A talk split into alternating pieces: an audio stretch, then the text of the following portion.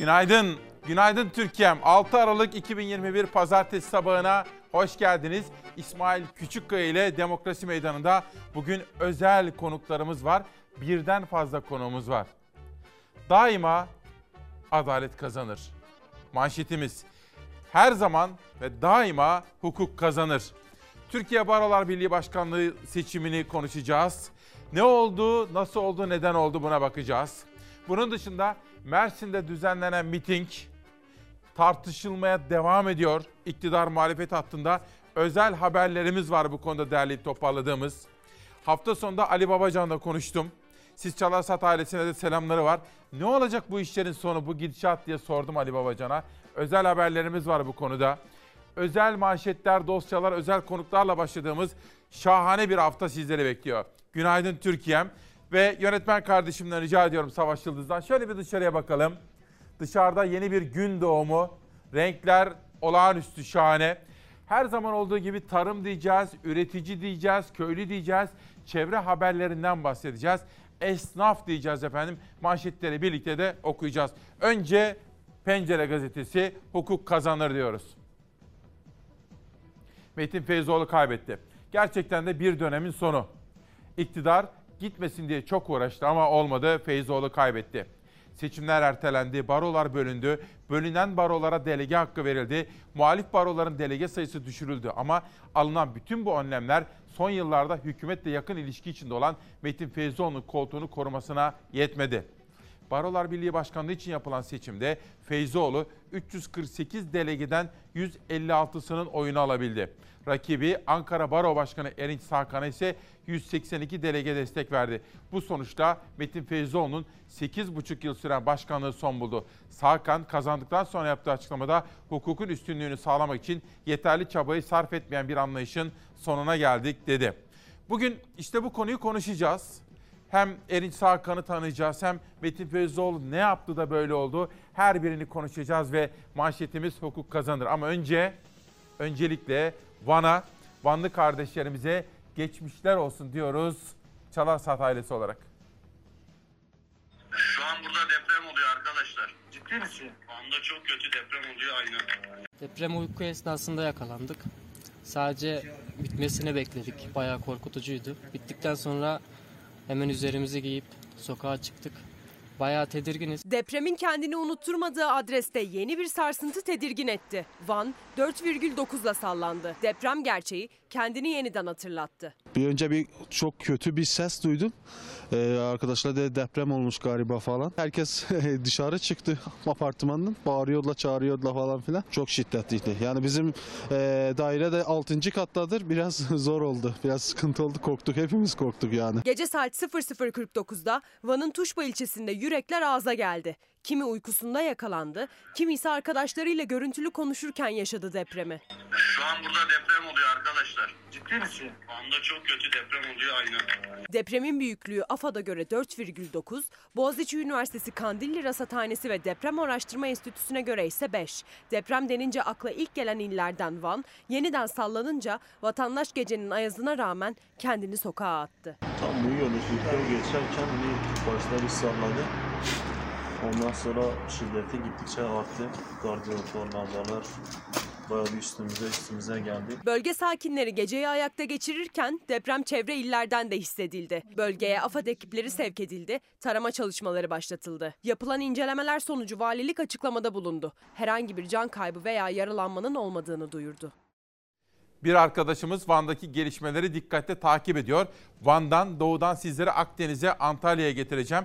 Antalya'ya da bir geçmiş olsun dememiz gerekiyor. Demek ki bu özel sabahta 6 Aralık sabahında Barolar Birliği'nde yapılan seçimin sonuçlarını konuşacağız. Manşetlerden biri bu. Ve ekmek diyeceğiz. Esnaf, üretici, köylü diyeceğiz. Ve esnaftan aldığımız, mesela ben hafta sonunda Simav'daydım memleketimde. Bir bakkal kardeşimden, bir bir kahveci kardeşimden derleyip toparladığım gözlemleri de sizlerle paylaşarak esnafla ilgili ekmek kavgasını da konuşma imkanı bulacağız. Sözcü. İstanbul'da düşük gramajlı ekmeği 3 liradan satıyorlar. Milletin ekmeğiyle oynamayın. İşte bu. Bugün üzerine gideceğimiz konulardan birisi de bu. Nitekim yokluk, yoksulluk konusunda, ekonomi konusunda uzman bir ismi İlk defa Çalar Saat'te göreceksiniz efendim. Bir ismi davet ettim. Biraz sonra Demokrasi Meydanı'na katılacak o da. Hem ekmeği 210 grama düşürdüler hem fiyatına 50 kuruş zam yaptılar diyor Sözcü gazetesi. Ekonomideki derin kriz hem vatandaşı hem fırıncı esnafını perişan etti.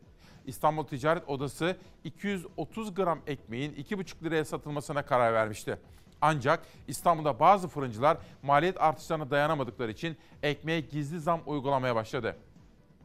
İstanbul'da Üsküdar ve Ümraniye gibi ilçelerde fırıncılar ekmeği 230 gramdan 210 grama indirdi. Fiyatını da 2,5 liradan 3 liraya çıkardı. Fırıncılar zamları un, maya ve enerji fiyatlarının artmasına bağlarken vatandaş artık ekmek de yiyemeyeceğiz dedi.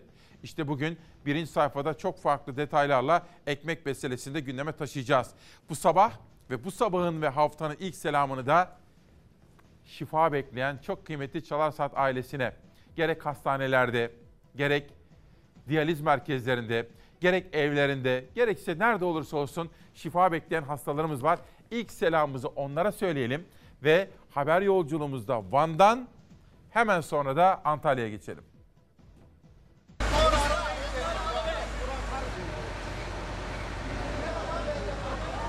İtfaiye ekipleri adeta zamanla yarıştı. Alt katında 9 dükkanın, üst katında dairelerin bulunduğu binada çıkan yangında can pazarı yaşandı. Ekipler 6'sı çocuk olmak üzere bina sakinlerini balkonlardan tahliye ederek kurtardı. Antalya'nın Muratpaşa ilçesine bağlı Balbey mahallesinde bulunan iki katlı binada bodrum katında çıktı yangın. Dumanlar hızla tüm binayı sardı. İtfaiye ekipleri bölgeye zamanında ulaştı. Yangının çıktığı noktaya hızla müdahale edilip yangın söndürülse de dumanların etkisi çok şiddetliydi. Bina sakinleri çocuklarıyla beraber balkonlarda kurtarılmayı bekledi. Ekipler itfaiye merdiveniyle önce çocukları tahliye etti. Can kaybının yaşanmadığı korkutan yangında bir kadın dumandan etkilendi. Olay yerinde yapılan müdahalenin ardından hastaneye kaldırıldı. Ben oradayım. Binanın alt katında bulunan pet shop'un içinde ise hayvanlar vardı. Vatandaşlar hayvanları tek tek dükkandan çıkararak güvenli alanlara götürdü. İtfaiye ekiplerinin ve vatandaşların çabası faciayı önledi. Yetkililer yangının elektrik panosundan çıktığını açıkladı. Gazeteleri okumaya devam edeceğiz efendim. Bir Van, bir Antalya manşetinden hemen sonra sağlıkla ilgili haberleri de sizlere aktaracağım efendim. Bu arada Cuma günkü konuğumuz Profesör Doktor Şükrü Hatun hocamızla da konuşmaya devam ediyorum. Sağlık Bakanlığı'yla da temaslarımız, mesajlaşmalarımız devam ediyor. Ve özellikle diyabetli çocuklarımız konusunda neler yapılacağını dikkatle takip etmeyi de sürdüreceğim. Sözcüden sabaha geçelim. Sabahta Şırnak'la ilgili bir haber dikkatimi çekti bu sabah. Sizlerle paylaşmak istiyorum. Haber Yavuz Donat imzalı. Küllerinden doğan şehir Şırnak. Terör örgütü PKK 2015'te bölgede hendek terörü başlattı. Şırnak yakıldı, yıkıldı. Binlerce ailenin ocağı söndü. 1171 asker, polis ve sivil şehit oldu. 2307 hendek barikat kaldırıldı diyor. Devletin gücüyle Şırnak küllerinden doğdu. TOKİ 10.155 konut, 600 dükkan yaptı. 17 okul, 9 cami inşa edildi. Hendek teröründen kaçanlar geri dönünce şehri tanıyamadı diyor. Yavuz Donat imzalı haber birinci sayfada yer almış durumda. Bir sonraki gazetemize geçeceğim ve akabinde sizlere sağlıkla ilgili koronaya dair güncel bilgileri aktaracağım. Hürriyet'ten bir haber. Eşref Paşa'nın El Sisteması. El Sistema Venezuela'da suç oranı yüksek bölgelerdeki çocukları sanatla tanıştıran bir model. Bu proje İzmir'de hayata geçirildi. Burhan Öcal da projenin destekleyicilerinden İzmir'in Eşref Paşa'sından alınan bu haberde Bahadır Çuadar'ın imzasını taşıyor. Hürriyet'ten bir haber daha seçtim sizler için. Bakalım ne geliyor? Vatandaş çıkış arıyor. CHP Genel Başkanı Kılıçdaroğlu İngiliz Financial Times gazetesine konuştu. Toplumun büyük bir kısmı bu yönetimin gitmekte olduğu fikrini benimsemiş durumda. Devasa bir işsizlik var. Hayat pahalı ve insanlar kıt kanaat geçiniyor. Vatandaş artık bir çıkış yolu arıyor. İstanbul seçimleri bir deneme çalışmasıydı diyor efendim. Simav'a gittik ya. Kardeşim İlyas'la birlikte arabadaydık. Bir lokantanın önünde kuyruk vardı. Gençler İlyas dedi ki abi bakar mısın dedi. Dur dur dedim. Arabayı sağa çektik. Baktım. Esnaf lokantaları olur ya öyle bir lokanta. Etrafında güzel çocuklar böyle 19-20 bilemediniz 21 yaşlarında. Acaba ne bekliyorlar dedim. Esnaf lokantası önünde kuyruk oluşmuş soğukta. Yaklaştım. Lokantanın üzerinde öğrenciye %20 indirim yazıyordu. Düşünsenize. Belki 3 liralık bilemediniz 4 liralık bir indirim için çocuklarımız soğukta bekliyorlardı. İşte memleketin manzarasını unutmayalım diyorum. Ve güncel bilgilerle birlikte derlediğimiz koronayla Türkiye'nin imtihanı. Güney Afrika'daki varyant rakamlarına baktığımızda bir hafta içinde bunun 5'e katladığını görüyoruz. Ümit ederiz ki dünyanın genelinde bu hızlı bir şekilde bu yayılma devam etmez. Yani Ocak ayına girdiğimizde bu vakaların tekrar 2-3'e katlandığını görebiliriz. Çünkü aşılama oranında sorunlarımız var. İlk Güney Afrika'da görüldü. Bir haftada vaka sayılarını 5 katına çıkardı. Tüm ülkeler omikron alarmında. Koronavirüste yeni varyantın daha bulaşıcı olduğu biliniyor. O yüzden vaka sayıları artıyor. Ülkeler bir bir yeni tedbirler açıklıyor. Türkiye'de henüz omikron tespit edilmedi ancak uzmanlara göre şimdiden tedbirlerin sıkılaştırılması, aşılama oranının yükseltilmesi şart. Örneğin Endonezya, Mikronezya ve Türkmenistan 18 yaşın üstüne tamamen zorunlu kıldı aşıyı. Amerika Birleşik Devletleri'nde, Kanada, İtalya'da kamu çalışanları için aşılamayı zorunlu kıldı. Dünya Sağlık Örgütü verilerine göre Avrupa ve Orta Asya şu anda zaten merkez üssü olarak e, gözüküyordu salgının. O yüzden Avrupa'da Noel döneminde özellikle rakamların artabileceğini düşünüyoruz. Bu da gerçekten oldukça endişe verici. Uluslararası Pediatri Kurumu Dış İlişkiler Direktörü Kerem Masaloğlu'na göre Avrupa'da yükselişe geçen vaka sayıları daha da artabilir. Çünkü bu dönem kapalı alanda daha çok vakit geçirilecek. Sağlık Bakanı Fahrettin Koca da 185 vefat, 19.357 vakanın olduğu son tabloyu açıklarken mücadelede kararlılık mesajı verdi. Vaka sayıları 20 binin altına büyük uğraşlar ve özveriyle düşüyor.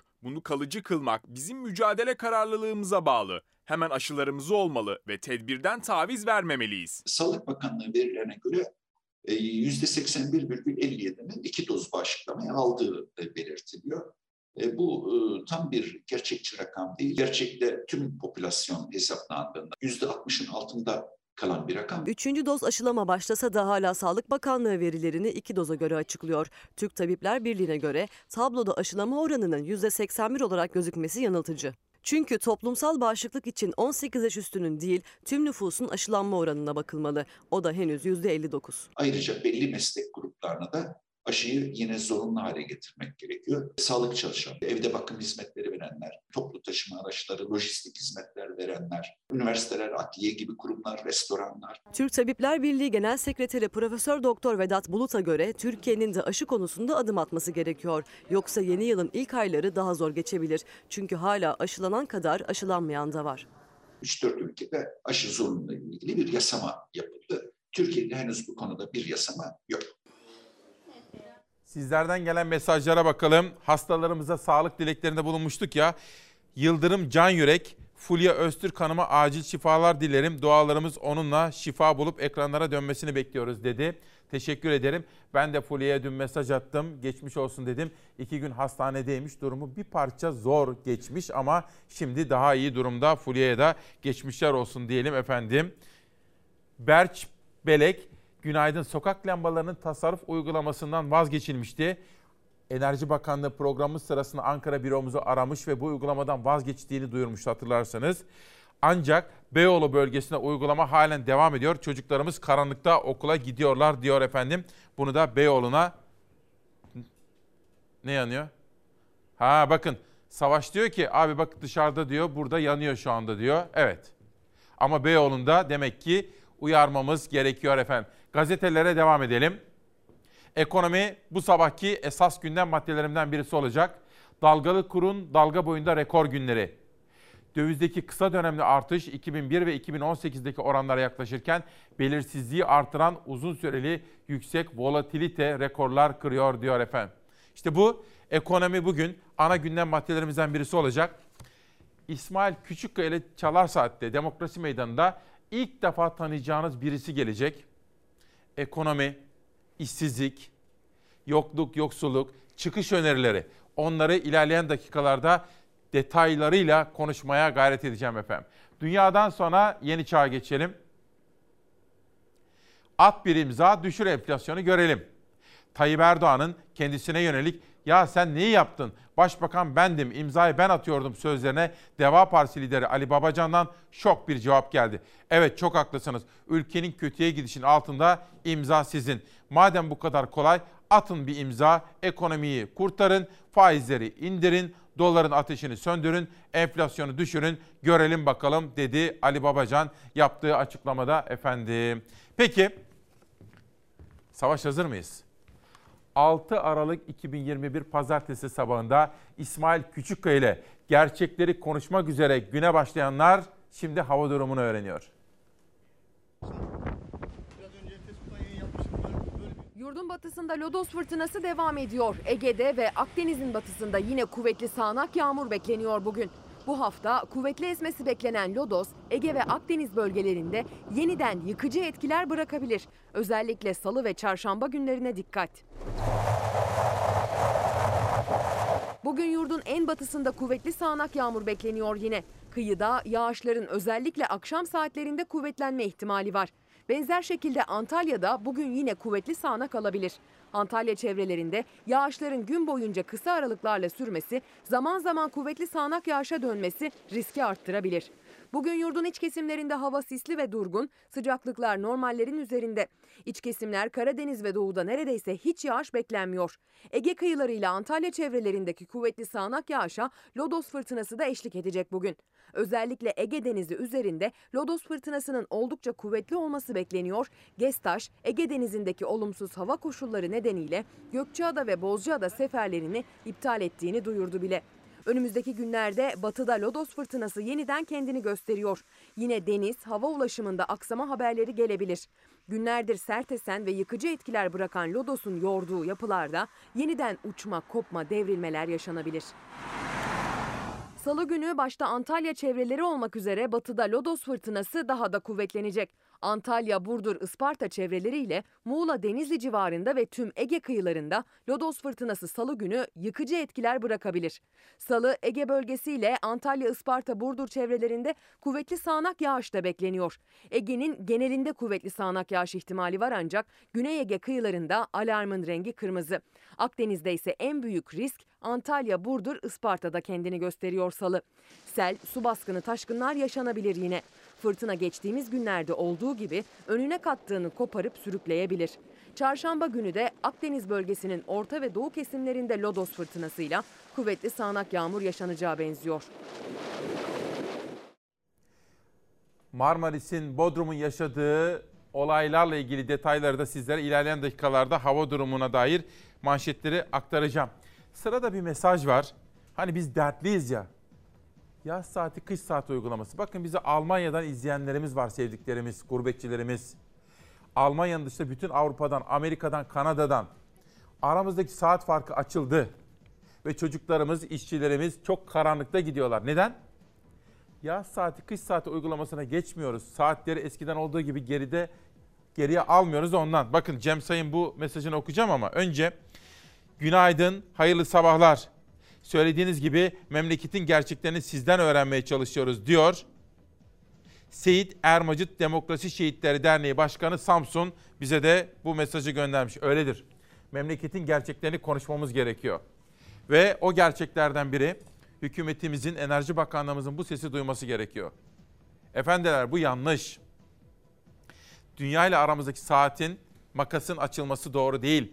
Çocuklarımızı karanlıkta okula göndermek zorunda kalıyoruz. Bakın Cem Say, bugün de sadece İstanbul'da 3 milyona fazla çocuk güneş doğmadan derse başlayacak.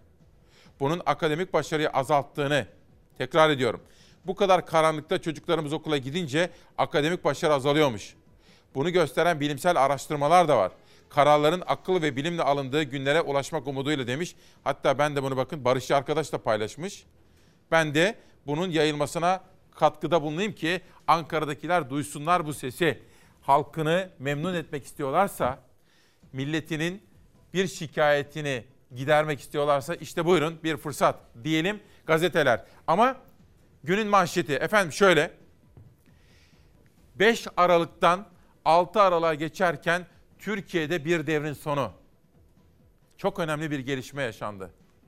İşte bugün Çalarsat gazetesinde bir devrin sonu manşeti. Türkiye Barolar Birliği'nde başkan değişti. Metin Feyzoğlu genel kurulda koltuğu kaybetti. Ankara Baro Başkanı Erinç Sakan 348 delegeden 182'sinin oyunu alarak Türkiye Barolar Birliği Başkanı oldu. Ve genç başkan Erinç Sakan dedi ki artık hiç kimse savunmasız değil. Aynı zamanda Ankara Baro Başkanı'ydı biliyorsunuz. Diyor ki Sakan, bu ülkede hiçbir avukat baro yalnız değil. Yurttaşlarımızın hiçbiri de savunmasız kalmayacak diyorduk. Bundan sonra da vatandaşlarımızın, avukatlarımızın, stajyer avukatlarımızın göreceği duruş tam bu şekilde olacaktır diyor. Biz de daima hukuk kazanır etiketiyle bu sabah bunu konuşacağız. Bir soru soracağım. Önce hukuk demişken ilk selamımızı hastalarımıza, ikinci selamımızı yurt dışındaki sevdiklerimize, gurbetçilerimize söylemişken üçüncü selamımızda Türkiye Cumhuriyeti'nde cezaevlerinde yatıp da özgür günlere geçmeyi, özgür günlerde sevdikleriyle kavuşmayı bekleyenlere de bir geçmişler olsun diyelim. Allah kavuştursun diyelim. Bunun dışında sorumuzu soralım sizlere. Çok kısa bir süre öncesine kadar, şöyle birkaç yıl öncesine kadar adı Cumhurbaşkanlığı adaylığında Erdoğan'ın karşısındaki güçlü aday olarak geçen geniş kitlelerin umut diye gördüğü bir isim. Ne oldu da böyle oldu? Bunu konuşmamız ve anlamamız gerekiyor. Bence hepimizin alması gereken dersler var Metin Feyzoğlu'nun yaşadıklarında.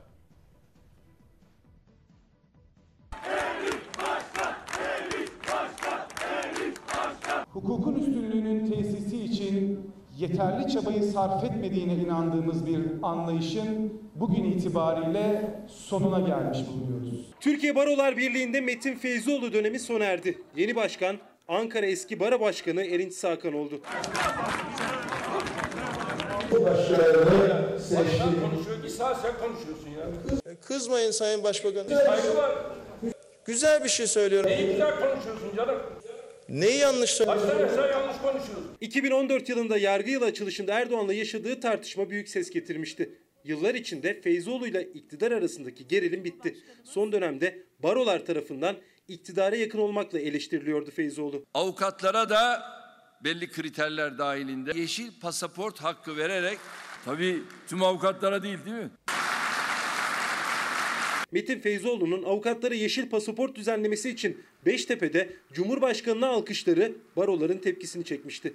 Baroların yapısını değiştiren çoklu baro düzenlemesine karşı yapılan büyük yürüyüşe de katılmadı Feyzoğlu. Ankara girişinde günlerce bekletilen baro başkanlarını bir kez ziyaret etti. Onda da protesto edildi. Provoke etmeyin Metin Bey. Provoke etmiyorum arkadaşlar. Hepinize geçmiş olsun. Çok teşekkür ederim. Sayenizde oldu bunlar. Sayemde olmadı ama Evet. Birliğimizi bozduğumuz için olabilir. Birliği siz bozdunuz. Çoklu baro düzenlemesi baroların itirazına rağmen kabul edildi. Ankara, İstanbul, İzmir gibi avukat sayısı fazla olan illerde delege sayısı azaltıldı. Feyzoğlu düzenlemeye destek vermekle eleştirilirken, istifaya çağrılırken pandemi gerekçesiyle baro genel kurulları da ertelendi. Siyasi parti kongreleri yapılırken. Ben hayatımın en büyük hatasını yaparak önce oraya gitmek yerine araçları durdurdum. Önce oraya gitmeliydim. Önce orada önleri kesilmiş baro başkanlarının yanında olmalıydım. İşte öz eleştiri bu. Haklısınız. Hayır basit bir hata değil, çok ağır bir hata. Çok ağır bir hata söylüyorum size. Bir yıl sonra Türkiye Barolar Birliği Genel Kurulu'nda çoklu baro düzenlemesine karşı yapılan yürüyüşe katılmamam hataydı cümlesini kurdu Feyzoğlu. Ama o cümleler yeniden başkan seçilmesini sağlamadı. 2013 yılından bu yana yürüttüğü Türkiye Barolar Birliği Başkanlığını kaybetti. Feyzoğlu'nun 156 oyuna karşı Erinç Sakan 182 oyla Türkiye Barolar Birliği'nin yeni başkanı seçildi. Anayasa Mahkemesi kararlarının, Avrupa İnsan Hakları Mahkemesi kararlarının uygulanmadığı ve tartışmaya açıldığı bir noktada Türkiye Barolar Birliği'ne yurttaşlarımızın çok ama çok ihtiyacı bulunmaktadır. Erinç Sakan çoklu baro düzenlemesine karşı eylemlerde en ön saftaki baro başkanlarından biriydi. Yüksek Seçim Kurulu'nun İstanbul seçimlerinin yenilenmesine ilişkin kararı sonrası YSK'nın tam karşısındaki Ankara Barosu binasına hukuksuzluğun tam da karşısındayız pankartıyla gündeme gelmişti. Türkiye Barolar Birliği seçimi sonrası Erinç Sakan cephesinde sevinç kameralara yansıdı. Feyzoğlu cephesinde kaybetmenin üzüntüsü. Şimdi dün gündem çalışmamızı yapıyorduk. Sonrasında bu olay şekillenince Erinç Sakan'ı aradım. Yeni Barolar Birliği Başkanlığı konuştuk. Özel bir takım bilgilerle bugün sizlere Erinç Sakan'ı tanıtmak istiyorum. Tanımak ister misiniz efendim? Tabii bir taraftan Metin Feyzoğlu'nun yaşadıkları ders olur aslında. Nerede hata yaptı, ne oldu? Bunları konuşmamız gerekir. Bir taraftan da yeni başkanı tanımamız gerekir. Gencecik yaşında bu başarıyı nasıl elde etti? Tanımak ister misiniz kendisini? Dün konuştum. Biraz sonra detaylı bilgileri, özel bilgileri sizlere aktaracağım. Ve sizlerin, siz kıymetli Çalarsat ailesinin bana gönderdiği mesajlar, pusulam. Bakın, İnat Avcı, günaydın. TÜİK neden hep enflasyonu az gösteriyor? Onların alışveriş yaptığı market nerede? Bakın işte herkes o marketi arıyor şimdi. TÜİK verdiği senelik enflasyon 21. 31. Bence Kasım ayı enflasyonu senelik %65. Yani vatandaşın yaşadıklarıyla TÜİK'in gösterdikleri arasında bir çelişkiye işaret ediyor izleyenimiz. Ankara'dan Nevin Özşeker, o da bir çalar annesi. Hukuksuzluğa göz yuman, hatta katkıda bulunan gün gelir o hukuksuzluğun içinde bulur kendini hem de yapayalnız. Herkesin hukuk içinde davranması ve herkesin de hukuk içinde hesap vermesi gerekir. Hukuktan başka güveneceğimiz yok efendim. O nedenledir ki 9 yıldır her sabah sizlerle yaptığımız buluşmalarda her şeyden evvel önce tabii can sağlığı, ondan hemen sonra hukuk diyoruz. Hukukun üstünlüğü, hakim teminatı diyoruz değil mi efendim? Cumhuriyete geçelim.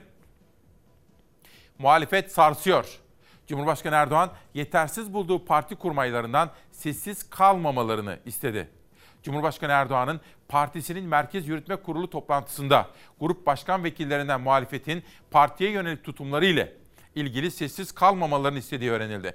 Başta CHP olmak üzere muhalefet partilerinden AKP'ye, hükümete ve şahsına sert eleştirilerin geldiğini belirten Erdoğan'ın muhalefete aynı sertlikte karşılık verilmesini istediği belirtiliyor.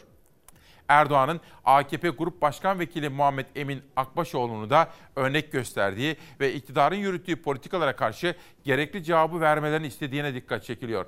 İyi Partili Lütfü Türkkan'ın bir yurttaşa küfretmesi Meclis Genel Kurulu'nda sert tartışmalara neden olmuş. İyi Partililer ile AKP'li ve MHP'li milletvekilleri arasında gerilim yaşanmıştı diyor. Bir de bir de iktidar cenahına bir bakalım. Hem Türk Güne hem de Erdoğan'a, Adalet Kalkınma Partisi lideri Cumhurbaşkanı'na bir bakalım şöyle. MHP konuştu, CHP tutuştu. Tolga Polat'ın haberi. MHP lideri Devlet Bahçeli'nin talimatlarıyla Trakya'dan başlayan Adım Adım 2023 İl İl Anadolu programı tamamlandı. Halkın nabzını tutan MHP'nin Cumhur İttifakı'nın ruhuna, ruhunu Anadolu'ya yansıtması CHP, HDP ve İP'i endişelendirdi diyor efendim. Sorunları sorunlar dinlendi diyerek de Türkiye haritasında 3 hilalli bir grafik hazırlamış Türk'ün gazetesinin birinci sayfa editörleri. Acaba diyorum, acaba Adalet Kalkınma Partisi lideri ve Cumhurbaşkanı Erdoğan neler söylüyor? Bay Kemal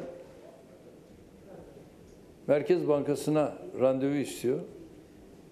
Merkez Bankası da buna randevu veriyor. Bağımsız ya. Bağımsızlığının gereği olarak randevu veriyor. Ve gidiyorsun. Ne sorarsan cevabını alıyorsun. Şimdi tabii TÜİK'le ilgili de kalkıyor, gelmek istiyor. Tabii İstatistik Kurumu Başkanımız bunlara randevu vermiyor.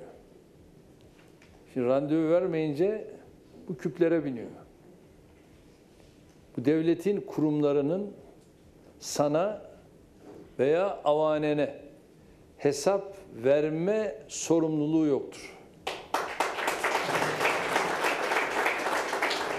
Onlar hesabı sadece sorumlusu olduğu birinci derecede Cumhurbaşkanı, bunun dışında da ilgili bakanlara verirler. Yani ben istediğim zaman bu birimlerden bilgileri alırım. İlgili bakan arkadaşlarımız bilgileri alırlar. Ama hiçbir zaman kalkıp da sana hesap verme mecburiyetleri yok. Eğer bilgi almak istiyorsan yazılı olarak gönderirsin. Onlar da sana yazılı olarak cevabı verirler. Şimdi bakın bir arkadaşım da Sema Hanım da diyor ki Fox'un yayınladığı bir haber var. Sosyal medyada en çok konuşulan konu. Tüp zammı ile ilgili. Bir vatandaşımız yaşadıklarını anlatıyor. Gitmiş o kusura bakmayın tavuk artıklarını istemiş. Demiş ki ya hayvanlara yedireceğim demiş de. Sonra biri gitmiş tavuklara yedireceğim demiş. Bir başkası ekmek kırıntılarını istiyor. Sema Hanım diyor ki bunu göster de diyor Türkiye'nin gerçeklerini gör, görsünler diyor. Savaş onu bir hazırlar mısın? Bu arada Ayten Öztürk. Haklı bu konuya temas ediyorsunuz fakat bununla sınırlı değil. Yaz saati kış saati uygulaması çocuklarımızın karanlıkta gitmesi sorunuyla sınırlı değil. Özellikle yurt dışı ile iş yapanlar, ithalat ve ihracat yapan firmalar çok büyük problemler yaşıyor. Saat farkları arttı diyor Ayten Öztürk bize gönderdiği mesajda efendim. Bir manşet daha Türk günden sonra bir güne geçelim. O vatandaşımızın sesini dinlemek ister misiniz efendim? Dün akşam ana haber bültenimizde vardı. İster misiniz? Tamam. Usulsüz ittifak. Güven Gürkan Öztan. Sayıştay raporlarının gediklisi belediyeler. Cumhur İttifakı'nın yönettiği 6 belediyede usulsüzlük diz boyu. Bedelsiz yer tahsisinden ihalesiz mal alımına kadar yok yok. Cumhur İttifakı'na bağlı belediyelerde yaşanan usulsüzlükler Sayıştay raporlarının en hacimli bölümünü kaplıyor. Sadece başkent belediyeleri için hazırlanan raporlar bile tüm gerçeği gözler önüne sermeye yetti. En önemli suistimal kalemi ihale usulsüzlüğü. Cumhur İttifakı'nın yönetiminde olduğu belediyelerde Sayıştay raporlarına takılan diğer bilgilerde yandaşa sağlanan rantlarla ilgili. TÜGVA gibi vakıflara bedelsiz sağlanan taşınmazlar, göz yumulan ruhsatsız işletmeler en çok rastlananlar. Bu Mustafa Bildirdi'nin haberi. Şöyle bir bakarsanız Pursaklar Belediyesi, Bağla Belediyesi, Sincan Belediyesi, Gölbaşı Belediyesi, Keçiören Belediyesi ve Mamak Belediyesi'ne ilişkinde haberler var efendim. Bu arada ben hafta sonunda tabii çok konuşuluyordu. Erdoğan bir şey söyledi, Kılıçdaroğlu başka bir şey söyledi. Erdoğan'ın kurmayları konuştu, Kılıçdaroğlu'nun kurmayları. Özel haber vermeye çalışıyorum ya. Mesela Enis Hakan'la konuştum dedim. Biraz sonra sizlere özel bilgiler vereceğim. Barolar Birliği'nin yeni başkanı. Bir de mesela konuştuğum kişiler Ali Babacan. Onunla ilgili bilgileri de vereceğim. Onunla da konuştum. Bir de Mersin Büyükşehir Belediye Başkanı'nı aradım. Vahap Seçer'i. Önce tabii onu aramadan önce iktidarı okudum. Muhalefeti okudum.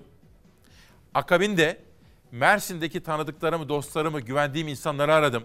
Mersin'deki yerel gazetecileri aradım. Biraz sonra işte yerel gazeteler de gelecek. Sonra Vahap Seçer'i aradım. Nasıl geçti dedim. Dedi ki çok kalabalıktı ama ondan önemlisi kazasız belasız atlattık. Genel başkanımız da dedi önce şehit ailesine ziyarete gitti.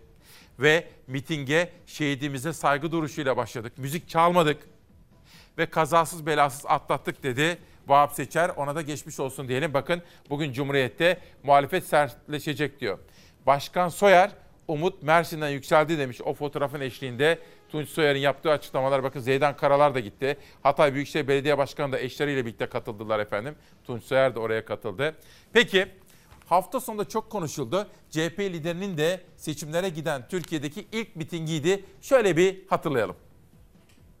Diyor ki bize daha büyük alan verilseydi orayı doldururduk. Ya sen önce şu anda topladığın kalabalık ortada.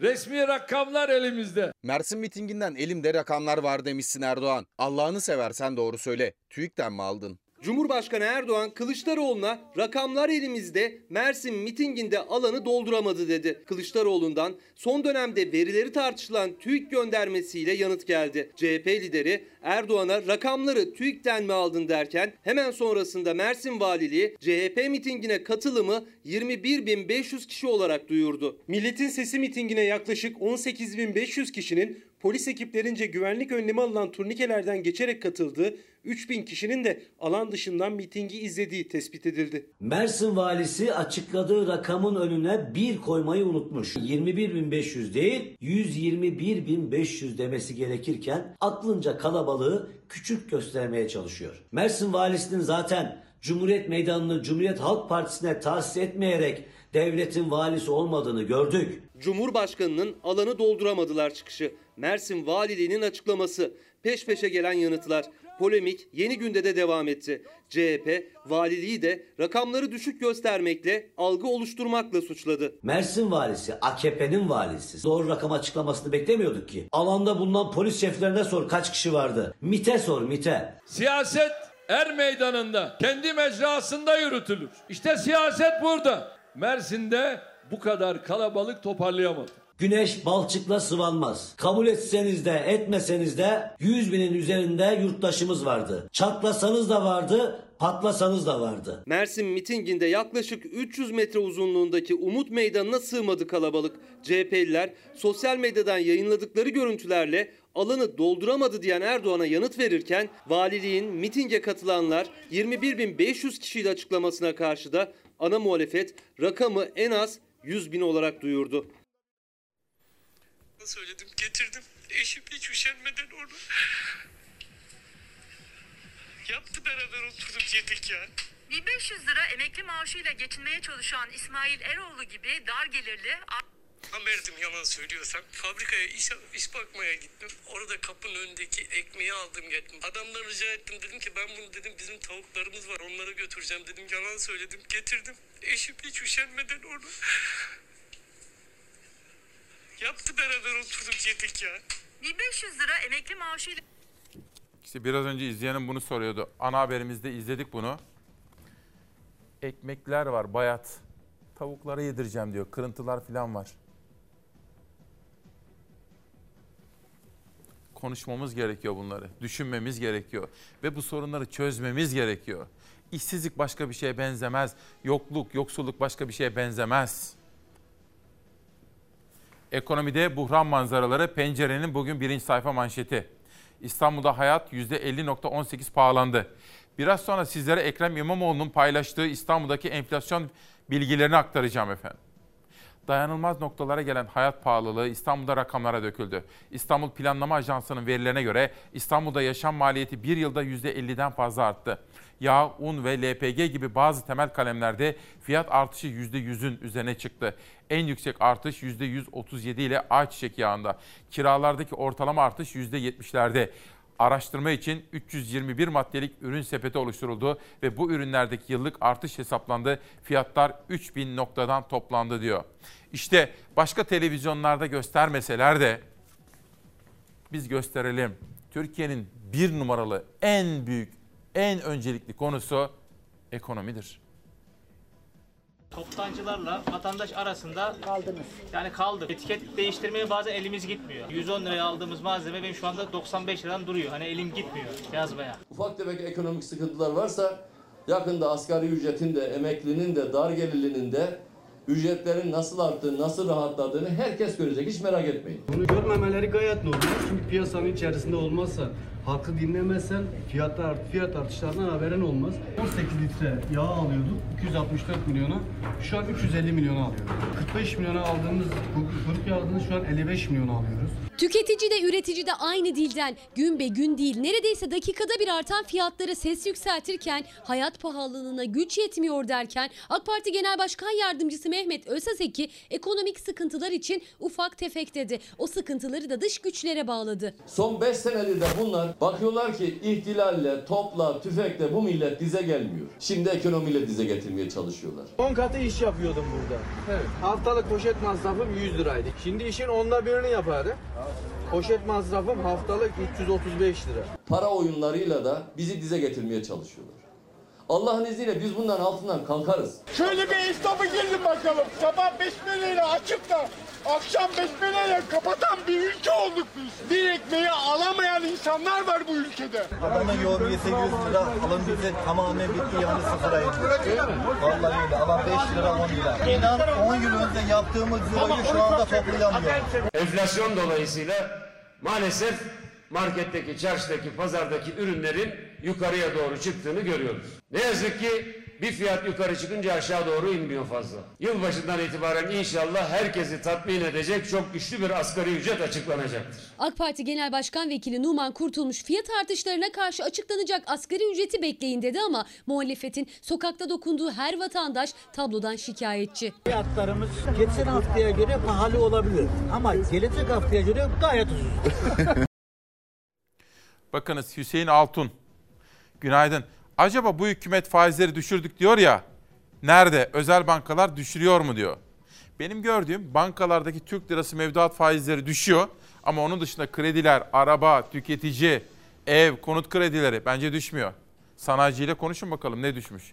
Orada Olay Gazetesi hafta sonunda tabii atamızı andık. Onun kadınlara verdiği kıymeti hatırladık. Atatürk'ün verdiği hakları Türk kadını ne kadar kullanabiliyor diye bir soru orada olayda. Batman'a geçelim. Hedef günde 65 bin varil petrol. Batman'a geçelim arkadaşlar. Evet. Ve Türkiye Petrolleri Anonim Ortaklığı Genel Müdürü Melih Han Bilgin'le yapılmış bir röportaj var. Sür manşeti çıktığım zaman piyasa alev alev haberini görüyorum. Döviz kurundaki hareketlilik ve stokçuluk piyasayı olumsuz etkilemeye devam ediyor. Süt ürünlerine de yeni zamlar geliyor. Tabii bugün özel konuklarım var. Biraz sonra sizlere Erin Sakan'ı tanıtacağım. Dün aradım kendisini. Ali Babacan'la yaptığım temaslardan sonra ekonomiye birazcık daha yakından bakacağız. Bu arada memleketime gitmiştim Simav'a. Zehra Koyuncuoğlu. Onunla da konuştum. Çok selamları var sizlere. Şahane bir memleket insanıdır efendim. Beni aldı. Babasıyla da Kasım Çınar'ın torunudur kendisi. Kasım Çınar ailesi. Ama kendisi de Nurullah Koyuncuoğlu'nu aldı götürdü. Böyle 80'lerindeki bir delikanlıyla konuştum. Sizlere o izlenimlerden bahsedeceğim efendim. Ama bu arada Gökhan Dikmen ta bakın Yeni Zelanda'dan bana bu kitabı göndermişti. Yok teşekkür ediyorum. Okyanustaki Rüzgar isimli kitabı. Bir de Çalar Saat'te ilk defa izleyeceğiniz bir konuğumla biraz önceki izlediğimiz vatandaşımızın halini konuşacağım. Ekonomi, esnaf, emekli, yokluk, yoksulluk, genç işsizliği bunları bugün konuşmamız gerekiyor efendim. Badem Şekeri isimli kitapta Oya Yurdakul'dan gelmiş. Ona da teşekkür ediyorum. Çok özel konuklarımla hemen reklamlardan sonra devam edeceğiz. Günaydın, hoş geldiniz. Yeni bir günü birlikte karşılıyoruz. Yeni bir haftayı da birlikte başlatıyoruz. Hukuk kazanır. 6 Aralık 2021 Pazartesi sabahında İsmail Küçükkaya ile Demokrasi Meydanı'nda hukuk kazanır dedik. Sabah bir izleyenim sormuştu. Dün akşam ana haber bültenimizde izlemişti. Sosyal medyada çok konuşulmuştu. Başka televizyonlar göstermiyorlar demişti. İşte memleketin hali pür melali. İşsiz kaldım. Çalışamadım. Ekmek bulamadım. Namerdim yalan söylüyorsam. Fabrikaya iş, iş bakmaya gittim. Orada kapının önündeki ekmeği aldım geldim. Adamdan rica ettim. Dedim ki ben bunu dedim bizim tavuklarımız var onlara götüreceğim dedim. Yalan söyledim. Getirdim. Eşim hiç üşenmeden onu yaptı beraber oturduk yedik ya. İşsiz kaldım. Çalışamadım, ekmek bulamadım. Namerdim yalan söylüyorsam. Fabrikaya iş, iş bakmaya gittim. Orada kapının önündeki ekmeği aldım geldim. Adamdan rica ettim. Dedim ki ben bunu dedim bizim tavuklarımız var onlara götüreceğim dedim. Yalan söyledim. Getirdim. Eşim hiç üşenmeden onu yaptı beraber oturduk yedik ya. İşte bu tablo nedeniyle bir de hafta sonunda Simav'daydım ya sizlere söyledim. Gördüğüm tablolar vardı. Zehra Koyuncuoğlu'na gidiyorduk ziyarete. Erkek kardeşim İlyas dedi ki abi bak kuyruk var dedi. Durduk. Hani esnaf lokantaları olur ya. Benim babam da yıllarca o lokantalarda çalışmıştır. O lokantaların birinin önünde çocuklar vardı. Böyle güzel güzel çocuklar. 19-20 yaşındaki kardeşlerim. Kuyruktaydı soğukta. Bir dur bakayım dedim ya. Yanlarına gidecektim. Dur, durdum böyle izleyeyim diye. Lokantanın camında bir yazı vardı. Öğrenciye %20 indirim diye. Şöyle bir düşündüm. 15 liralık bir yemek yeseler, 20 liralık bir yemek yeseler kaç liralık indirim olacak? 3 lira bilemediniz 4 liralık indirim için o çocuklar orada bekliyordu. O nedenle biz işte bu ve şimdi peşi sıra gelecek haberleri önemsiyoruz. Çünkü şunu biliyoruz ki vatandaşımız dertli. Çünkü biliyoruz ki Türkiye'mizin medyası bu haberleri göstermiyor. Şeker gibi mandalina satsuma. Eskiden mal ucuzdu, daha çok satıyorduk, daha çok kazanıyorduk. Geçen sene şikayet ediyorduk, geçen sene arıyoruz bugün. Alınan paranın değeri de yok. Alınacak olan ürünlerin de fiyatları yüksek olduğu için kimse geçim sağlayamıyor. Ne alanın yüzü gülüyor ne de satanın. Çünkü artan maliyetler tezgahtaki fiyatları yükseltti. Mevsim sebze meyvelerinin fiyatı dar gelirlinin semt pazarında bile yüksek. TÜİK'in açıkladığı enflasyonun 3 katından da fazla tüketicinin hissettiği enflasyon. Enflasyonu %21 mi hissediyorsunuz yıllık? Biz yüzde yetmiş diyelim buna yüzde altmış diyelim. Yüzde üç buçuk. Aylık. Mümkün değil. Mümkün değil. Ispanak, pırasa, karnabahar mevsim sebzesi oldukları halde fiyatları pazarda 5 liranın altına düşmüyor. İşte bu yüzden kilo kilo almaya bütçesi yetmeyenler parçayla almak zorunda kalıyor sebzesini. Ekonominin bozuk olduğunu buradan anlayabilirsiniz. Şu an mahsul var. İstediğiniz her şeyi bulabiliyorsunuz ama fiyatlar çok yüksek. Varlık içinde yokluk. 44 yaşında bir çocuk babası Şükrü Dinçer 3 kişilik evlerine 2 asgari ücret giriyor ama zaten yarısı kiraya gidiyor. Faturalar ve çocuklarının yol parası düşünce ellerinde kalan para yaklaşık 600 lira. O 600 lirayla bir ay geçinebilmek için pazardan ellerinde sadece 3 poşetle ayrılabiliyorlar. Kredi kartlarına yükleniyorsunuz. Olmadı. Öbür kredi kartından bu sefer ne yapıyorsunuz? Vadeli borç alıyorsunuz. E patlayacak mı yakında? Önceden doldurup gidiyorduk şimdi hiçbir şey alamıyoruz. En ucuz ürün kaç para pazarda? Valla hiçbir şey ucuz değil. Tüketici pazara ayırdığı bütçeyi yıldan yıla bile arttırmakta güçlük çekiyor ama tezgahtaki fiyatlar neredeyse haftadan haftaya yükseliyor. İşte bu yüzden ya ellerindeki poşet sayısı azalıyor ya da poşetin içindeki ürünün miktarı düşüyor. Geçen hafta aldığım alışverişleri bu hafta alamıyorsun. Fiyatı artıyor işte günden güne. Limonun pahalısı vardı ben ucuzunu buldum. Ucuzunu aldım. Ucuzunu bulmak için pazarda ne kadar vakit harcıyorsunuz? Benim vaktim bu oldu. iki saat harcadım. Dolaşsa ne yazar kızım? Hep aynı. Düşecek en fazla akşamüstü düşecek ya 50 kuruş ya 1 lira düşer. Bunu üreten de zararda, buraya getiren de zararda. Tüketen? Tüketen o hepten zararda. Saatlerini harcayıp en ucuzunu bulmaya çalıştıkları pazarda canının istediğini de alamıyor tüketici. Çünkü bazıları için canının istediğini yiyebilmek de lüks. Şunu da canım çekti alayım. Yok. Öyle o zevkane bir şey kalmadı. Fiyatlardaki artışa rağmen pazarcı da kazanamamaktan dert yanıyor. Çünkü etikete yansıyanlar ancak giderlerine yetiyor. Poşet kilosu 9 liraydı 15'e fırladı direkt. Kese kağıdı kilosu 7 liraydı 13 liraya çıkmış. Mazotu var, işgaliyesi var, rusumu var, hamalyesi var. Var da var. Siz saydıkça bunun fiyatı yükseliyor. Ya yükselmesi lazımken yani yükseltemiyoruz. Normalde şu mandalini 10 liraya satmamız lazım. Bugün kaça? 7 lira. İşte bu konu esas gündem maddem olacak ki ilk defa televizyonlarda izleyeceğinizi zannettiğim bir isim. Demokrasi Meydanı ilk defa katılıyor. Yokluk, yoksulluk, genç işsizliği gibi konuları çalışan, bu konularda çözüm önerileri, çıkış yolları öneren bir isim. Biraz sonra herkes birbirine haber versin. Bakalım neler anlatacak. 2. Bugünün anlamı ne? Hukuk kazanır. Nereden yola çıktık? Dün Barolar Birliği'nde 8,5 yıllık bir dönem bitti. Metin Feyzoğlu dönemi kapandı. Genç bir hukukçu Ankara Baro Başkanı Erin Sakan başkan oldu. Aradım sizler adına.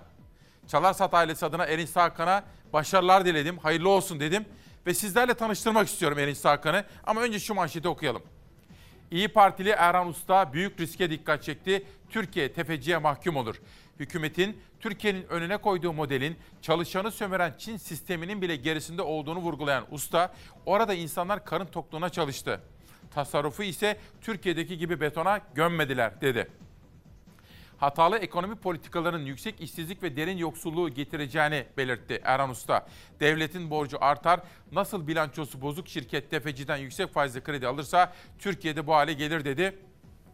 Kendisi uzun dönem Kalkınma Bankası'nda üst düzey bürokratlık yapmış, genel müdürlük görevlerinde bulunmuş, ekonomi yönetiminde bulunmuş bir ustadan Ta Akyol'a özel açıklamalar.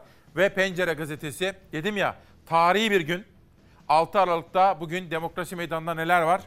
Bakın bir devrin sonu Erin Sakan, gencecik bir hukukçu. Türkiye Bil Barolar Birliği'nin yeni başkanı oldu diyor. Ve sağ kanat siyasilerden tebrik mesajları yağdı. Kılıçdaroğlu, Akşener, Karamollaoğlu, benim görebildiğim kadarıyla hemen hemen bütün liderler, Mansur Yavaş'tan Ekrem İmamoğlu'na hemen hemen pek çok belediye başkanı da Erinç Sakan'ı kutladılar. O halde hazır mı arkadaşlar Savaş? Erinç Sakan'ı bir görelim. Sayın Başkan günaydın ve hayırlı uğurlu olsun. Günaydınlar, çok teşekkür ediyorum. Türkiye dünden itibaren sizi konuşuyor. Sizi bir parça yakından tanımak e, istiyoruz. Fakat önce arkadaşlarımdan bir haber rica ettim. Size tebrik telefonları yayıyordu. Haberi bir izleyelim. Erinç Sakan'ı tanıyacağız.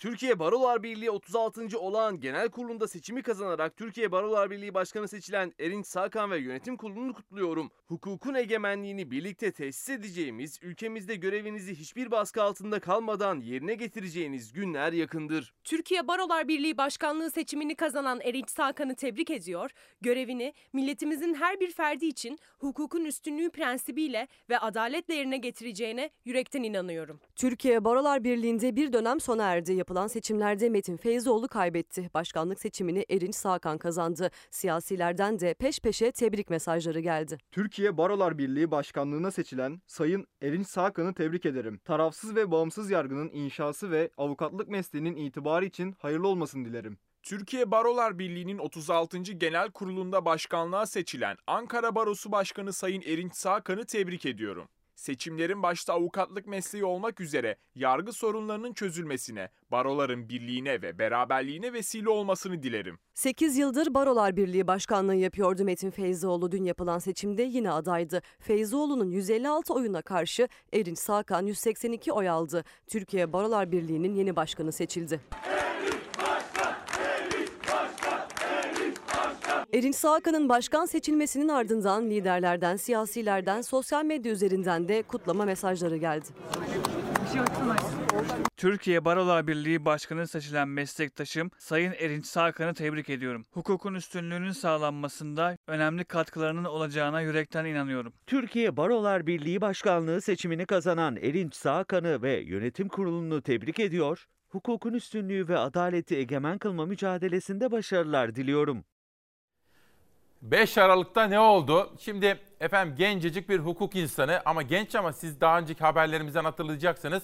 Avukatlarla ilgili ve Türkiye'nin hukuk sistemine ilişkin tartışmalarda Erinç Sakan hep en ön safta yer alıyordu son yıllarda. Ve kendisi aslen Gümüşhaneli ama Ankara doğumlu, Ankara hukuk mezunu bir avukat, Ankara Baro Başkanı. Ve Erinç Bey öncelikle bir kere daha kutluyorum. Dün ne oldu, nasıl oldu? Bir anlatın hele. Evet. Ee, çok teşekkür ediyorum öncelikle. Ee, tabii dün ne oldu gerçekten e, yani sosyal medyaya ve basına yansıyan tepkilere baktığımızda e, konunun bir meslek örgütü seçiminin ötesine çıkmış olduğunu görüyoruz. Bir algı da söz konusu bu konuda ama bunun e, aslında bu mesleğimizle ilgili çok doğrudan bir sebebi var. Çünkü barolar ve Türkiye Barolar Birliği sadece bir meslek örgütü olarak kalmıyorlar. Çünkü aynı zamanda avukatlık kanunun onlara verdikleri hukukun üstünlüğünü, yargı bağımsızlığını ve insan haklarını korumak gibi çok ama çok önemli görev ve yetkiyle donatılmış e, durumdalar. Aslında bu sebeple e, Türkiye Barolar Birliği veya barolar seçimleri sadece bir meslek örgütü seçimi olarak kalmıyorlar. Vatandaşın temel hak ve özgürlüklerine dokunan seçimler. E, bir vatandaş herhangi bir hak ihlaline uğradığında arkasında bir güçlü bir Türkiye Barolar Birliği var mı yok mu? Bu gerçekten çok önemli bir olgu. O nedenle bu kadar büyük bir ses çıkartan bir Türkiye Barolar Birliği Genel Kurulu'nu yaşadık. İki günü de ayrı ayrı çok kıymetliydi bu genel kurulun ve 348 delegenin tamamının katılarak oy kullandığı bir genel kurulu yaşadık. Bir bir dönem geriye gidecek olursak aslında birçok şeyi anlatabiliriz. Yani çoklu baro süreciyle başlayan, savunmanın parçalanmasına dönük, baroların parçalanmasına, içinin boşaltılmasına, sesinin kısıl, kısılmasına ama daha da önemlisi yurttaşın sesinin kısılmasına dönük olan bir çaba söz konusuydu. Ve bu çabaya karşı baro başkanları Türkiye'nin onlarca kentinden çıkıp Ankara'ya bir yürüyüş yaparak anayasadan kaynaklanan demokratik haklarını kullanmak istediler.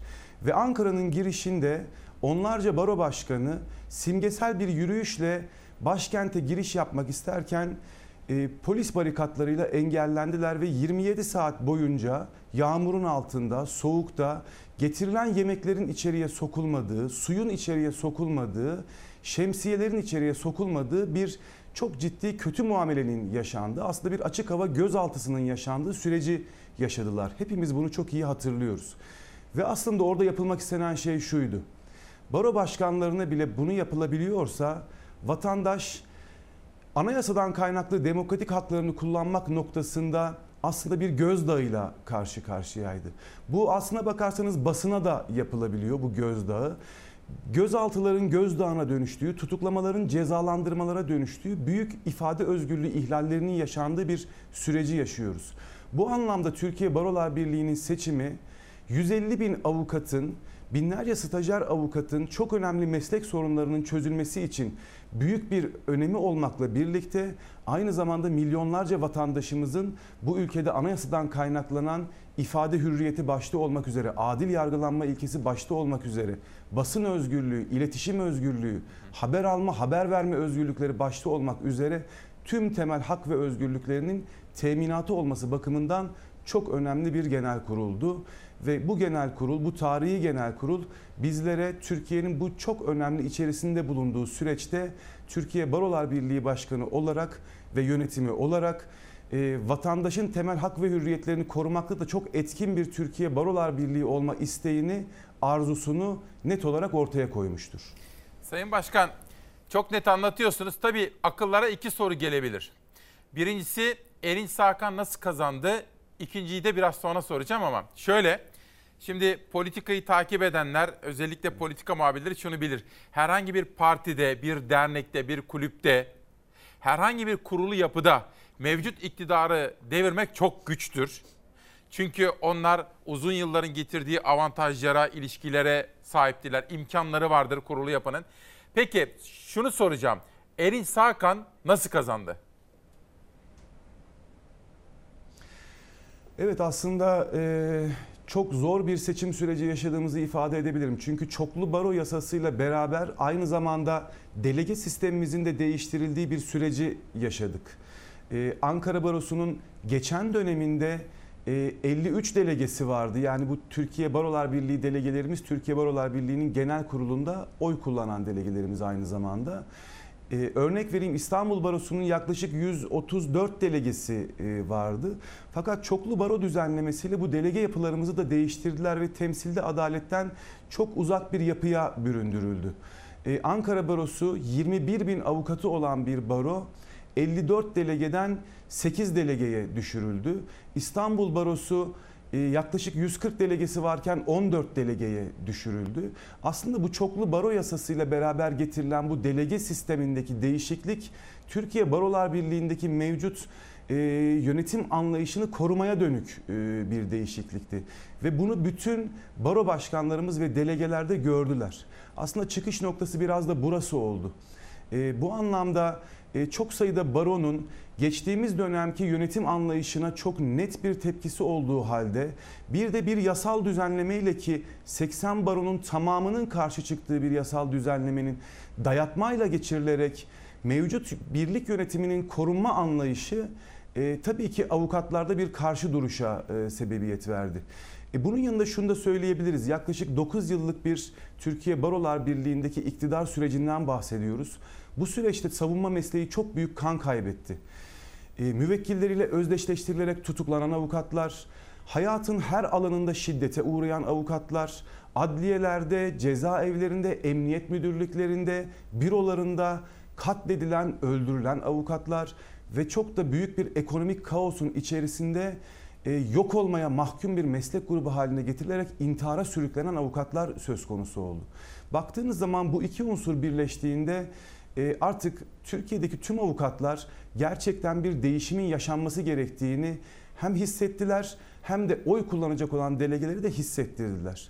Hem mesleğin geldiği bu artık içinden çıkılmaz durum hem de Türkiye Barolar Birliği'nin geçtiğimiz dönemki o suskunluk sarmalına girdiği o hukuksuzluk sürecindeki etkisizliği, duruşsuzluğu tabii ki karşılığını genel kurulda verecekti. Biz buna inanıyorduk ama buna inanırken bir tane düstur ortaya koyduk. Dedi ki biz birliği yönetmeye değil birlikte yönetmeye adayız. Ortak akılla çalışacağız. Bunun yöntemini ortaya koyduk. Çok çok iyi bir liste oluşturduk. Baro başkanlarımızla, delegelerle birlikte artık yöneteceğiz dedik ve bu söylemimiz ve bu söylemimizin vücuda bürünmüş hali olan eylemsel tavrımız da genel kurulda takdir aldı diye özetleyebilirim. Anlıyorum. Zaten dünkü konuşmanıza da baktım gece çalışırken ve aslında açıklamalarınıza da baktım seçimden sonra. Ortak akıl diyorsunuz, katılımcılık diyorsunuz, dayanışma. Dayanışma çok önemli bir kelime. Peki iki soru demiştim ya. Erin Sakan nasıl kazandı? Kesinlikle. Kurulu bir yapıya karşı kazanmak güçtür, kazandı. Bir de ibret alem aslında hepimize dersler olması gereken bir seçim. Rakibiniz güçlü bir isimdi. Üstelik iktidarın desteğini arkasında gürül gürül hisseden bir isimdi. Ve bir süre öncesine kadar yani çok kısa öncesine kadar bile diyebilirim. İşte pek çok kesim gözünde kurtarıcı hatta Cumhurbaşkanı adayı olarak gösteriliyordu Erdoğan'ın karşısında. Peki şöyle sorsam size rakibiniz Metin Feyzoğlu neden ve nasıl kaybetti?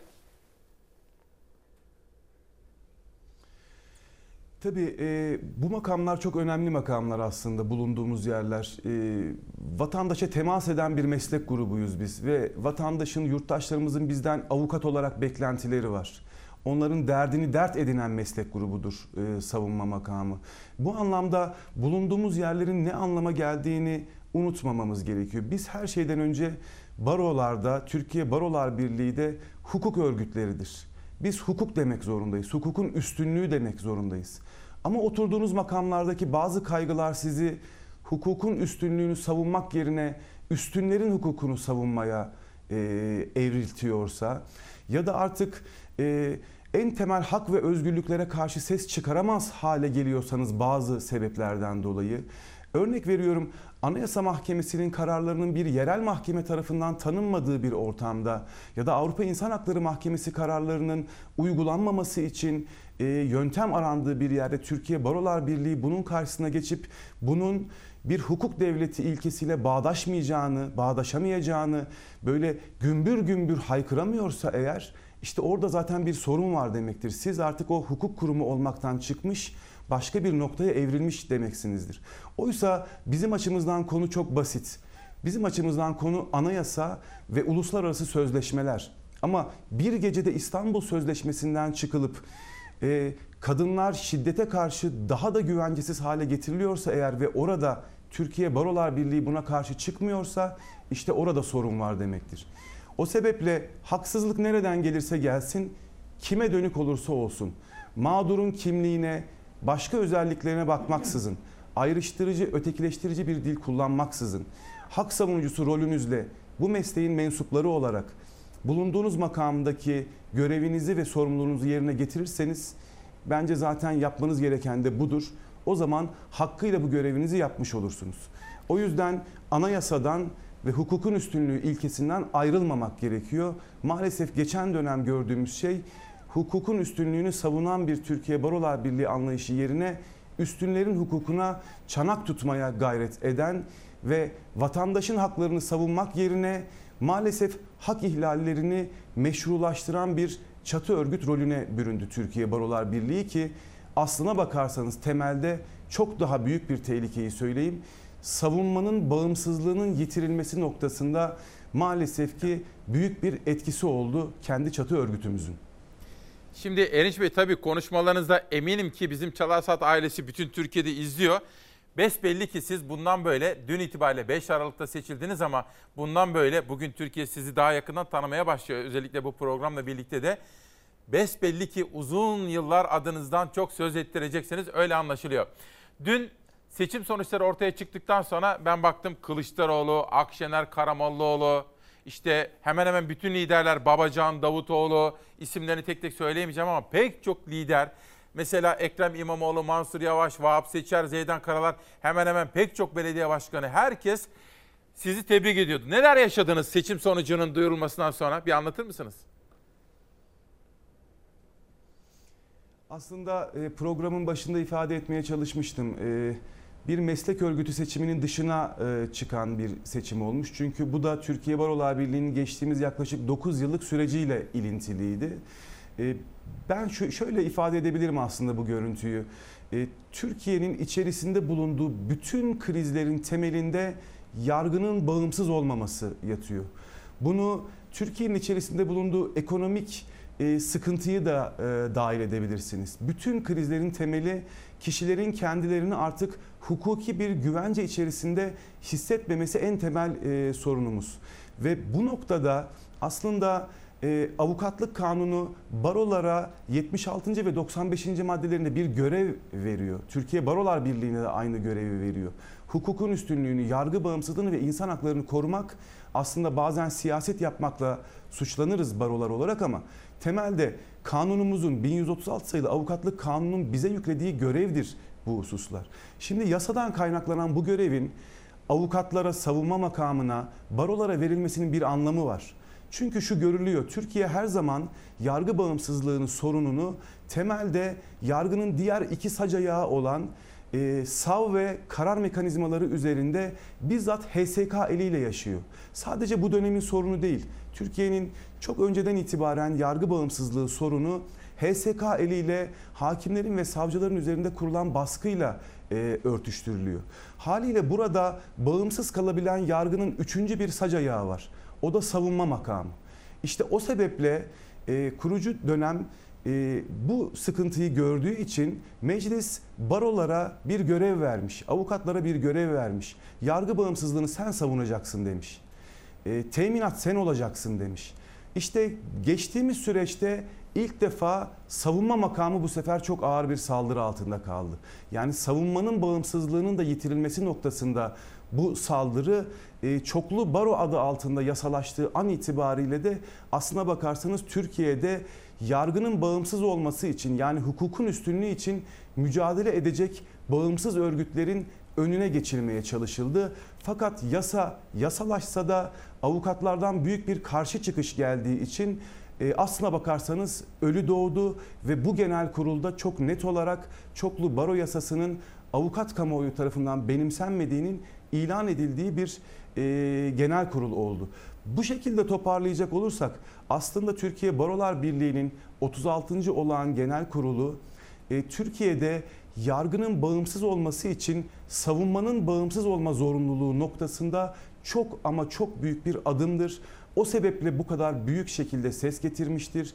O sebeple vatandaşlar artık bağımsız bir Türkiye Barolar Birliği var ve bizim temel hak ve özgürlüklerimiz daha fazla teminat altında olacaktır. Güvenini yaşadıkları için e, bu kadar büyük bir teveccühle karşılanmıştır ve e, tabii ki burada yorum olarak söyleyebilirim ama Türkiye'nin gerçekten e, muasır medeniyetler seviyesine yükselmesini isteyen siyasetçiler en başta yargıyı bağımsız kılmak zorundadırlar. O sebeple yargının bağımsızlığı noktasında bir adım atılması e, tabii ki e, bu ülkenin yarınları için çok ama çok kıymetlidir. Bu sebeple ben e, az önce bahsettiğiniz isimlerin e, gönderdikleri mesajların da e, temelde e, hukukun üstünlüğü anlamında Türkiye'de 36. Genel Kurul'la birlikte çok büyük bir adım atılmasına olan teveccüh olarak yorumlayabiliyorum. Erinç Bey tabii konuşmalarınız da çok ben size söyleyeyim izleyenlerimi yakından tanırım. Bu konuşmalar çok etki yapar. Yani Türkiye'nin ihtiyaç duyduğu konuşmalar bunlar. Tarzınız, üslubunuz, konuşmadaki kullandığınız kelimeler hepsi bunlar çok beğenilir. Çok Onu size söyleyeyim peşin peşin.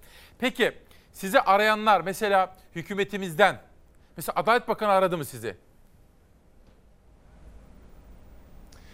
Ee, şöyle söyleyebilirim tabii dün akşam seçim sonuçları açıklandıktan sonra e, cep telefonumda çok çok fazla cevapsız e, arama var. E, yetişemediğim telefonlar var.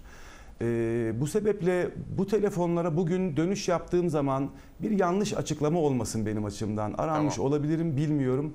E, telefonda herhangi bir görüşmem olmadı. Daha önce Ankara Barosu seçimini ilk kazandığım zaman Sayın Adalet Bakanı telefon açıp kutlamıştı. Ee, belki aranmışımdır. Şu anda bilemiyorum. Yanlış bir cevap vermek istemem.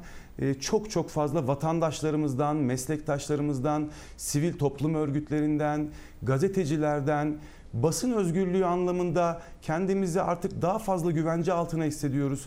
İyi ki siz kazandınız diyen gazeteciler oldu. Ben bunu o kadar kıymetli buluyorum ki çünkü basın özgürlüğü dediğimiz şey sadece gazetecilerin özgürlüğü değil, vatandaşın da haber alma özgürlüğüdür. O sebeple aslına bakarsanız bu anlamda bütün meslek gruplarının, bütün vatandaşların kendini hukuki güvenlik içerisinde hissetmesi noktasında dünkü seçim çok kıymetliydi. Biz de bunun çok fazla dönüşünü aldık. Hem sosyal medyadan hem telefonlardan e, geri dönüş yapmakta zorlandığımı ifade edebilirim aslında. Erinç Bey şimdi tabii ben sizi bir parça tanıtmaya çalıştım. Uzun zamandır da takip ettiğim bir isimsiniz. Hani aslen Gümüşhaneli olduğunuzu, 43 yaşında olduğunuzu söyledim. Ankara hukuk mezunu olduğunuzu da söyledim. Aileniz nerede efendim? Anne, baba, aile nerede? Efendim ben Ankara'da Ankara Ankara'da doğdum. Ankara'da e, yaşıyorum. Ankara'da okudum. 99 yılında Ankara Üniversitesi Hukuk Fakültesinden mezun oldum. 2000 yılından itibaren de Ankara'da serbest avukatlık yapıyorum. Ailem de e, Ankara'da. E, evliyim, bir oğlum var, Allah iki de bağışlasın. kedim var. E, böyle bir yaşantım var. Çok da sevdiğim bir mesleğim var. Ben bir avukatım. E, ve gerçekten vatandaşın derdine derman olan, onun e, omuzundaki eli olan e, meslek grubunu 20 yıldır sürdürmekten ve bu anlamda hem baroda hem de Türkiye Barolar Birliği'nde de bugüne kadar bu ülkenin bana verdiklerinin karşısında borcumu ödeyebiliyor olmaktan dolayı da çok mutlu bir vatandaşım. Ne hissediyorsunuz peki? Hani akılla konuşuyorsunuz ama şimdi mesela bu genç yaşta böylesine önemli tabii büyük bir sorumluluk aynı zamanda fakat iç dünyanızda hangi Evet. fırtınalar kopuyor? Ne hissediyorsunuz? Tabii e, dünkü görüntü aslında şunu gösterdi bize e, gerçekten çok büyük bir beklenti var Türkiye Barolar Birliği'nden. E, bunu biliyorduk ama ben e, çok uzun yıllardır e, Ankara Barosu'nun yönetimlerinde yer aldım 2010 yılından itibaren. Son iki dönemdir de başkanlığını yürütmekteyim. O sebeple mesleğin sorunlarını ve vatandaşın bizden beklentilerini son derece iyi biliyorum. Bunun için üzerimizdeki yükün ağırlığının farkında olmakla birlikte nelerin yapılması gerektiği noktasında da ciddi anlamda fikir sahibiyiz ve buna özgü olarak da bir kadro kurduk. Aslına bakarsanız seçilme odaklı belirlemeler yapmadık Türkiye Barolar Birliği seçiminde. Üretme odaklı belirlemeler yaptık. Organlarımızı ona göre e, belirledik. Şimdi kurul komisyon merkez kısımlarında yine bu şekilde liyakatle oluşturacağız. En temele şu hususu koymamız gerekiyor. Bizim ülkemizde yaşadığımız sorunların temelinde liyakatin yerini başka unsurların almış olması gere- geliyor, gerekiyor. Ee, bu anlamda en azından kendi meslek örgütümüzde bunu yapmayalım dedik. Liyakatle bu organları belirledik. Haliyle de çalışacak bir örgüt haline getirdik Türkiye Barolar Birliği'ni şu anda. Evet yükümüz çok ağır ama rahatlıkla altından kalkabileceğimize inanıyorum. Çünkü her şeyden önce örgütlü gücümüzün farkına varmak zorundayız. Türkiye'de 150 bin avukat var. Ee, 81 baro var ve çok güçlü e, bir meslek örgütüdür barolar. Arkamıza aldığımız bu örgütlü güçle birlikte bu mücadeleyi verdiğimiz zaman eminim ki sorunları büyük oranda çözecek. En azından çözecek iradeyi ortaya koyacağımızı tüm Türkiye'de meslektaşlarımız da görecektir diye düşünüyorum. Sayın Erin Sakan, ben de İsmail Küçükkaya olarak şahsım, Çalarsat ailesi ve kanalım adına sizi içtenlikle kutluyorum. Bu seçimin ülkemizin hukuk dünyasına, demokrasi dünyasına başarılı olmasını, hayırlar getirmesini temenni ediyorum. Son bir sözünüz varsa buyurun ondan sonra sizi uğurlayalım. Ama sizi bir gün İstanbul stüdyomuzda ağırlamak istiyoruz ayrıca. Daha geniş geniş böyle sizi yakından tanımak istiyoruz. Ama bu bir ilk yayındı. Dünden sonra buraya geldiğiniz için de teşekkür ediyorum. Son olarak ne söylemek istersiniz? Efendim ben teşekkür ediyorum öncelikle. Ee, kazandıktan sonra bu bizim ilk yayınımız e, oldu. Çok teşekkür ediyorum. Kendimizi ifade etme imkanı sundunuz. E, bir bakış açımız vardı. Onu anlatmaya gayret ettim buradaki sürede. En kısa zamanda İstanbul'da sizlerin yanında daha kapsamlı olarak e, avukatların sorunlarını, mesleğin sorunlarını, ülkenin sorunlarını ve çözüm önerilerini birlikte tartışma imkanı bulmak üzere çok teşekkür ediyorum tekrar. Son söz olarak bir seçim yaşadık. Önceki dönemin konusu artık kapandı. Ee, Ben emek veren, bugüne kadar Türkiye Barolar Birliği'nde yargıya ve avukatlara emek veren tüm meslektaşlarıma ayrı ayrı teşekkür ediyorum.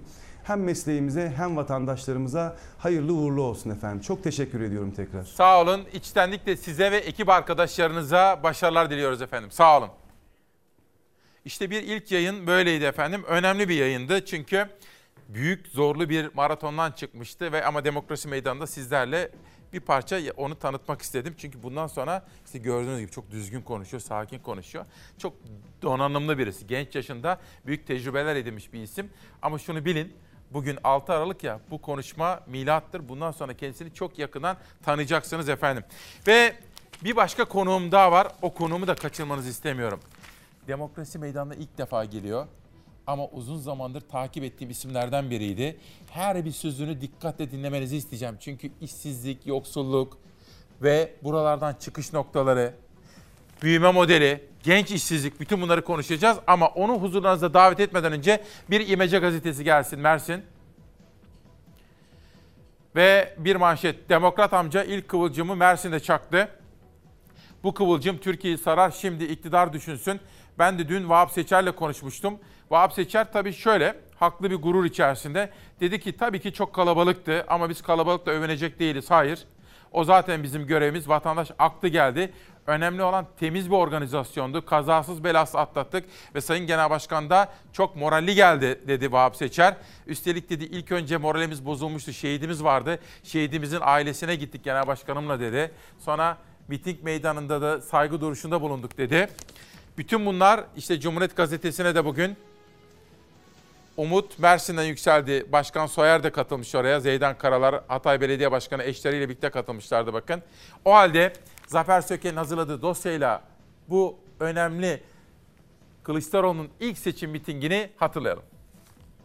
Mersin'den Hakkari'ye, Yozgat'a, Denizli'ye, Almanya'ya, Fransa'ya selam olsun geliyor gelmekte olan. CHP hemen seçim sloganıyla meydanlara indi. Kemal Kılıçdaroğlu ceketini çıkardı kollarını sıvadı. İlk mitingini yaptığı Mersin'den iktidara seçim resti çekti. Patates soğan güle güle Erdoğan diyor. Duyar mı bunu? Ey saray duy diyeceğiz duy. Değişim rüzgarları esiyor artık Türkiye'de. CHP Genel Başkanı Kemal Kılıçdaroğlu Mersin mitingiyle seçim çalışmalarına başlayacağını açıklamıştı. Merakla beklenen ilk mitingini de cumartesi günü Umut Meydanı'nda yaptı. Binlerce kişiye seslendi. Yarın sandık gelecek ve gideceğiz. Ve bir dikta yönetimini sandıkta alaşağı edeceğiz. CHP lideri konuşmasında düzen ve sistem değişikliği vurgusu yaptı sık sık. Huzur vaadinde bulundu. Bu düzeni değiştirmek Kemal kardeşinizin boynunun borcudur. Ahdim var. Bu memlekete huzuru getireceğim. Miting seçim mitingi olunca vaatlerini de sıraladı CHP lideri. Sevgili gençler, demokrat amcanız olarak söylüyorum. Sizin hayalleriniz benim hedefim olacaktır. Üniversiteyi bitiren gençlerimiz işsizken, dört yerden,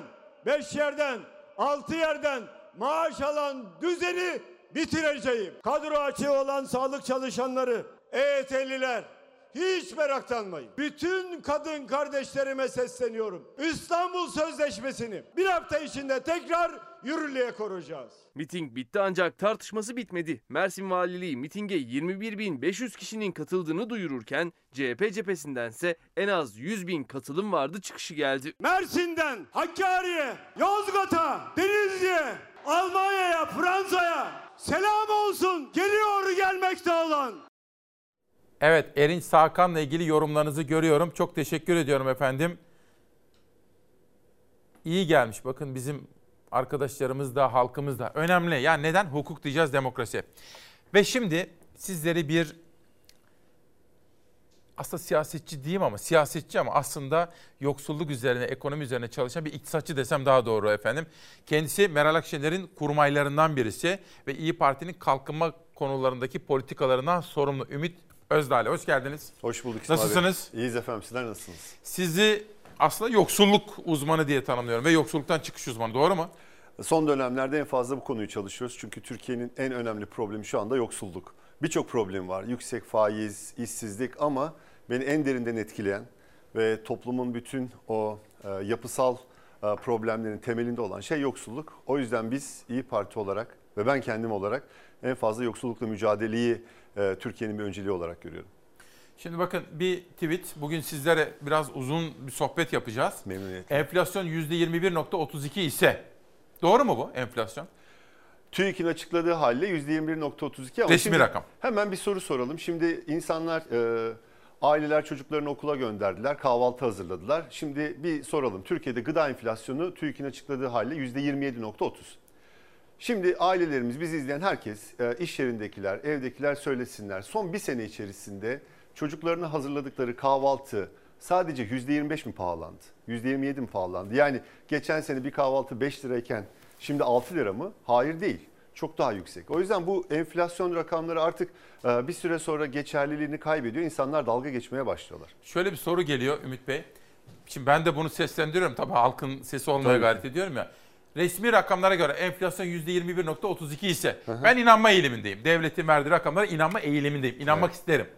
Peki hal böyle ise vergilere, harçlara niye %36.2 zam yapılıyor? Bu üfe ile tüfe enflasyonun ortalaması ama dediğimiz gibi yani %21.32 gerçekçi bir rakam değil. 36.2 orada e, üretici fiyat endeksi enflasyonu ile tüketici fiyat endeksi enflasyonun ortalaması tabii amiyane tabiriyle yersen. Ee, enflasyon %21.32 değil. Hepimiz bunu biliyoruz. Biraz önce dediğimiz gibi gıda fiyatları son bir sene içinde %27 mi arttı? Ya da birazdan e, tüp fiyatlarından bahsedeceğiz. Başka şeylerden bahsedeceğiz. Bunu gördüğünüz zaman buna inanmıyorsunuz. Fakat şu önemli İsmail Bey. 21.32 enflasyonla bile dünyanın en yüksek 11. enflasyonuna sahibiz biz. Yani bu enflasyon bile bizi e, dünyada en yüksek enflasyon ülkelerden bir tanesi yapıyor. Bizden daha yüksek enflasyona sahip ülkeler işte Sudan gibi, Venezuela gibi aynı ligde hiç yer almak istemediğimiz ülkeler. O yüzden TÜİK'in açıkladığı sayılar bile e, yeterince utanç verici. Devam edelim. Bakalım ne geliyor. Şimdi sizinle buluşmak için hazırlanırken evet. İstanbul Belediye Başkanı'nın Ekrem İmamoğlu'nun bir tweetini de gördüm. Aa dedim Savaş'ta bizim yönetmenimize bunu da koyalım. İstanbul'un enflasyonu %50. Doğru. Doğru mu? Doğru. İstanbul Ticaret Odası'nın da e, buna benzer e, verileri paylaştığını biliyoruz. İstanbul'da enflasyon %50 ama her ne hikmetse Türkiye'nin 18 milyon yaşadığı şehirde enflasyon %50 iken bütün Türkiye'de enflasyon %21. E, İstanbul Planlama Ajansı'nın evde oturan üniversiteli gençlerle ilgili ee, çok ilginç bir çalışması daha var. Belki ondan da bahsedebiliriz. İstanbul Büyükşehir Belediyesi bununla ilgili İstanbul'daki gençlerle ilgili, İstanbul'daki enflasyonla ilgili çok önemli çalışmalar yapıyor. Ee, bizi İstanbul'dan izleyen izleyiciler zaten bu enflasyonu %50 enflasyon sonuna kadar hissediyordur. Ümit Bey bir şey soracağım. Tabii lütfen. Şimdi %50 İstanbul'da yaş enflasyon ne demek? %50 enflasyon ne demektir? Ya ee, ne, ne anlama gelir bu? Sizin e, eğer tüketim sepetiniz hiç değişmesin, geçen seneyle aynı e, malları, hizmetleri harcayın, tüketin. E, bir sene içerisinde eskiden 100 lira harcıyorsanız şimdi aynı şeyleri harcamak için cebinizden 150 lira çıkacak demektir. Devam edelim. O zaman şu soruyu sormak lazım belki İsmail Bey. Buyurun. Ee, izleyicilerimiz kendilerine sorsunlar. Geçen sene 100 liraya doluyordu diyelim ki bir sepet, şimdi 150 liraya doluyor. Sizin geliriniz %50 mi arttı? Yani bir sene içerisinde eğer siz e, gelirinizi %50 arttırmamışsanız fakirleşmişsiniz demektir. Bu kadar basit. Devam edelim lütfen. Şimdi Türk lirasının değer kaybı. Şimdi biz terminolojiyi de şöyle kullanıyoruz Ümit Bey. Dolar yükselmiyor. Ya aslında doların yükseldiği falan yok. Başka ülkelere baktığım zaman ben Tabii. dolarla onların ülke fiyatları arasında bir değişiklik yok. Ama bizim paramız yeriyor maalesef. Bizim paramız yeriyor. Türk lirasının değer kaybıyla birlikte Türkiye alışveriş turizmi için gelenlerin sayısında patlama yaşanıyor. Görüntüler İstanbul Havalimanı'nın dış hatlar terminalinden. Savaş fotoğraf yanlış mı olmuş? Dolu dolu. Heh, fazla bagaj haklarını bile kullanan kişilerin yanlarında tuvalet kağıdı dahi götürdüğü görülüyor. Evet. Bunun görüntüsü var mı? Şimdi şöyle değerli izleyenler geçtiğimiz haftalarda anlattım size Bulgaristan'dan Yunanistan'dan geliyorlar alışveriş yapıyorlar. Neden? Çünkü adam eline 100 euro aldı diyelim. O 100 euro ile Türkiye'de neler neler alıyor.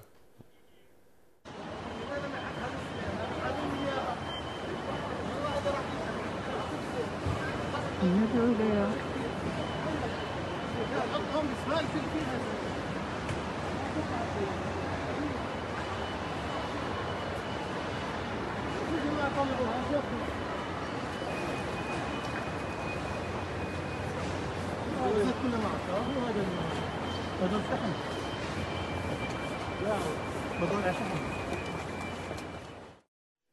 Tane vatandaş var Bulgaristan'dan gelmiş 500 euro ile diyor arabayı doldurdum diyor 500 euro ile diyor.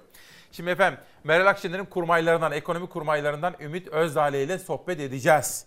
Peki neler var? Şimdi mesela tüp fiyatları var. Dün akşam haber izlediniz değil mi? Tabii Bizim, ki. Heh, tüp fiyatları var. Süt fiyatları var. Et fiyatları, yokluk, yoksulluk, geçinme. Ama bizim bir sloganımız var Ümit Bey. Biz sorunları ortaya koyarken bir de çözüm önerisi. Ne öneriyorsunuz diye de soracağım. Tabii ki memnuniyetle. Tamam. Değerli izleyenler, reklamlardan sonra hepinizin hayatını ilgilendiren bu konudaki sohbetimiz devam edecek. 6 Aralık 2021 Pazartesi sabahından günaydın. Hoş geldiniz. Bugün İsmail Küçükkaya ile Demokrasi Meydanı'nda Erinç Sakan'la başladık. İlk canlı yayındaydı. Türkiye Barolar Birliği'nde bir dönemin sonu. Çalarsat gazetesi gelsin. Metin Feyzoğlu'nun 8,5 yıllık dönemi bitti. Geride bize bıraktıkları derslerle birlikte Metin Feyzoğlu Barolar Birliği'ne veda etti. Hakkınızı helal edin dedi. Erinç Sakan biraz önce canlı yayınımızdaydı. Akşama ve yarına da bu konuyu takip etmemizi sürdüreceğiz efendim. Onu da söyleyelim. İşte bir devrin sonu ve Erinç Sakan biraz önce konuşmasında işte bizim muhabirimiz Gülşah İnce'den tutun da Sedef Kabaş'a kadar sizlerden, vatandaşlardan gelen muazzam yorumlar var. Biraz sonra Konuğuma da bu konudaki soruyu yöneltme imkanı bulacağım. Ayrıca ekonomi. Bugün hukuk kazanır dediğimiz bu özel sabahta Meral Akşener'in ekonomi kurmaylarından, kalkınma politikalarından sorumlu Ümit Özdağ ile bizimle birlikte kendisiyle et fiyatları, süt fiyatları, yoksulluk, işsizlik gibi temel gündem maddelerini konuşmaya devam edeceğiz. Ama savaştan yönetmenimden rica ediyorum. Önce bir Bursa'ya, Uludağ'a gidelim de ondan sonra başlayalım.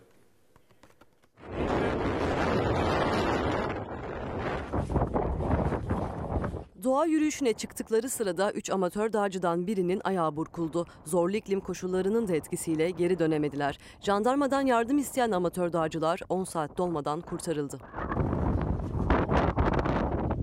Belki de telefonlarından aldıkları son sinyalle paylaştılar bu görüntüleri. Görüntüler hava koşullarının ne kadar zorlu olduğunu ortaya koydu. Yürümekte, adım atmakta, zaman zaman ayakta kalmakta bile zorlandılar. Üç dağcıdan 48 yaşındaki Alican'ın ayağını burkması sonucu geri dönemediler. Zar zor çeken telefonlarından jandarmayı arayan amatör dağcıların bulunduğu nokta jandarma tarafından sinyalle belirlendi. Kurtarma ekiplerinin adeta zamanla yarıştığı operasyon başladı. ATV ve arazi araçlarıyla yola çıkan ekipler sinyalin bulunduğu bölgeye hareket etti. Ancak hava koşulları çok sertti. Bir kardan mağara yapmışlar İdlo denilen. Onun içinde barınıyorlar şu an işte onlar da bekliyorlar. Telefonları şu an çekmiyor. Fırtınadan dolayı evet aşırı fırtına sis. Ayağı burkulan Alican'ın abisi Fahrettin Can, kurtarma operasyonu öncesi kardeşi ve arkadaşlarının kardan barınak yaptıklarını ancak artık üşümeye başladıklarını açıkladı. Beklenen iyi habersi sonunda geldi. 3 amatör dağcıya ulaşıldı. Arama kurtarma ekipleri bir yanda fırtına bir yanda sisle mücadele etti. Sonunda kayıp kişilere ulaştılar. Kayboldukları 9. saatte bulunan dağcıların belirgin bir sağlık sorunu olmadığı ifade edildi. Ekipler dağcıların bulunduğu alanda ilk müdahale yaptıklarını, hava aydınlanınca yola çıkacaklarını açıkladı. Bursa'daki bu gelişmeyi Beyza Gözeyik takip etti. Sırada da Zafer Söke'nin takip ettiği piyasalar var. Ümit Özdağ'lı'ya şunu sormak istiyorum. Peşin peşin. Dolar 14 liraya doğru gidiyor. 13.70'lerde, 13.60'larda böyle gezinip duruyor. Euro ne oldu? Piyasalar ne oldu? Acaba yüksek tansiyon gibi bir şey oldu bu. Onu soracağım ama önce haber. Geçtiğimiz haftayı hareketli seyirle geçiren dolar yeni haftaya da yükselişle başladı. Dolar 13 lira 80 kuruşun üzerinde işlem görüyor. Geçen hafta çarşamba günü dolar 14 lira seviyesine yaklaşınca Merkez Bankası 8 yıl aradan sonra ilk kez döviz satarak piyasaya doğrudan müdahale etti. İlk etapta 12 lira 40 kuruşa düşen dolar dakikalar içinde yeniden 13 lira 50 kuruş seviyelerine tırmandı.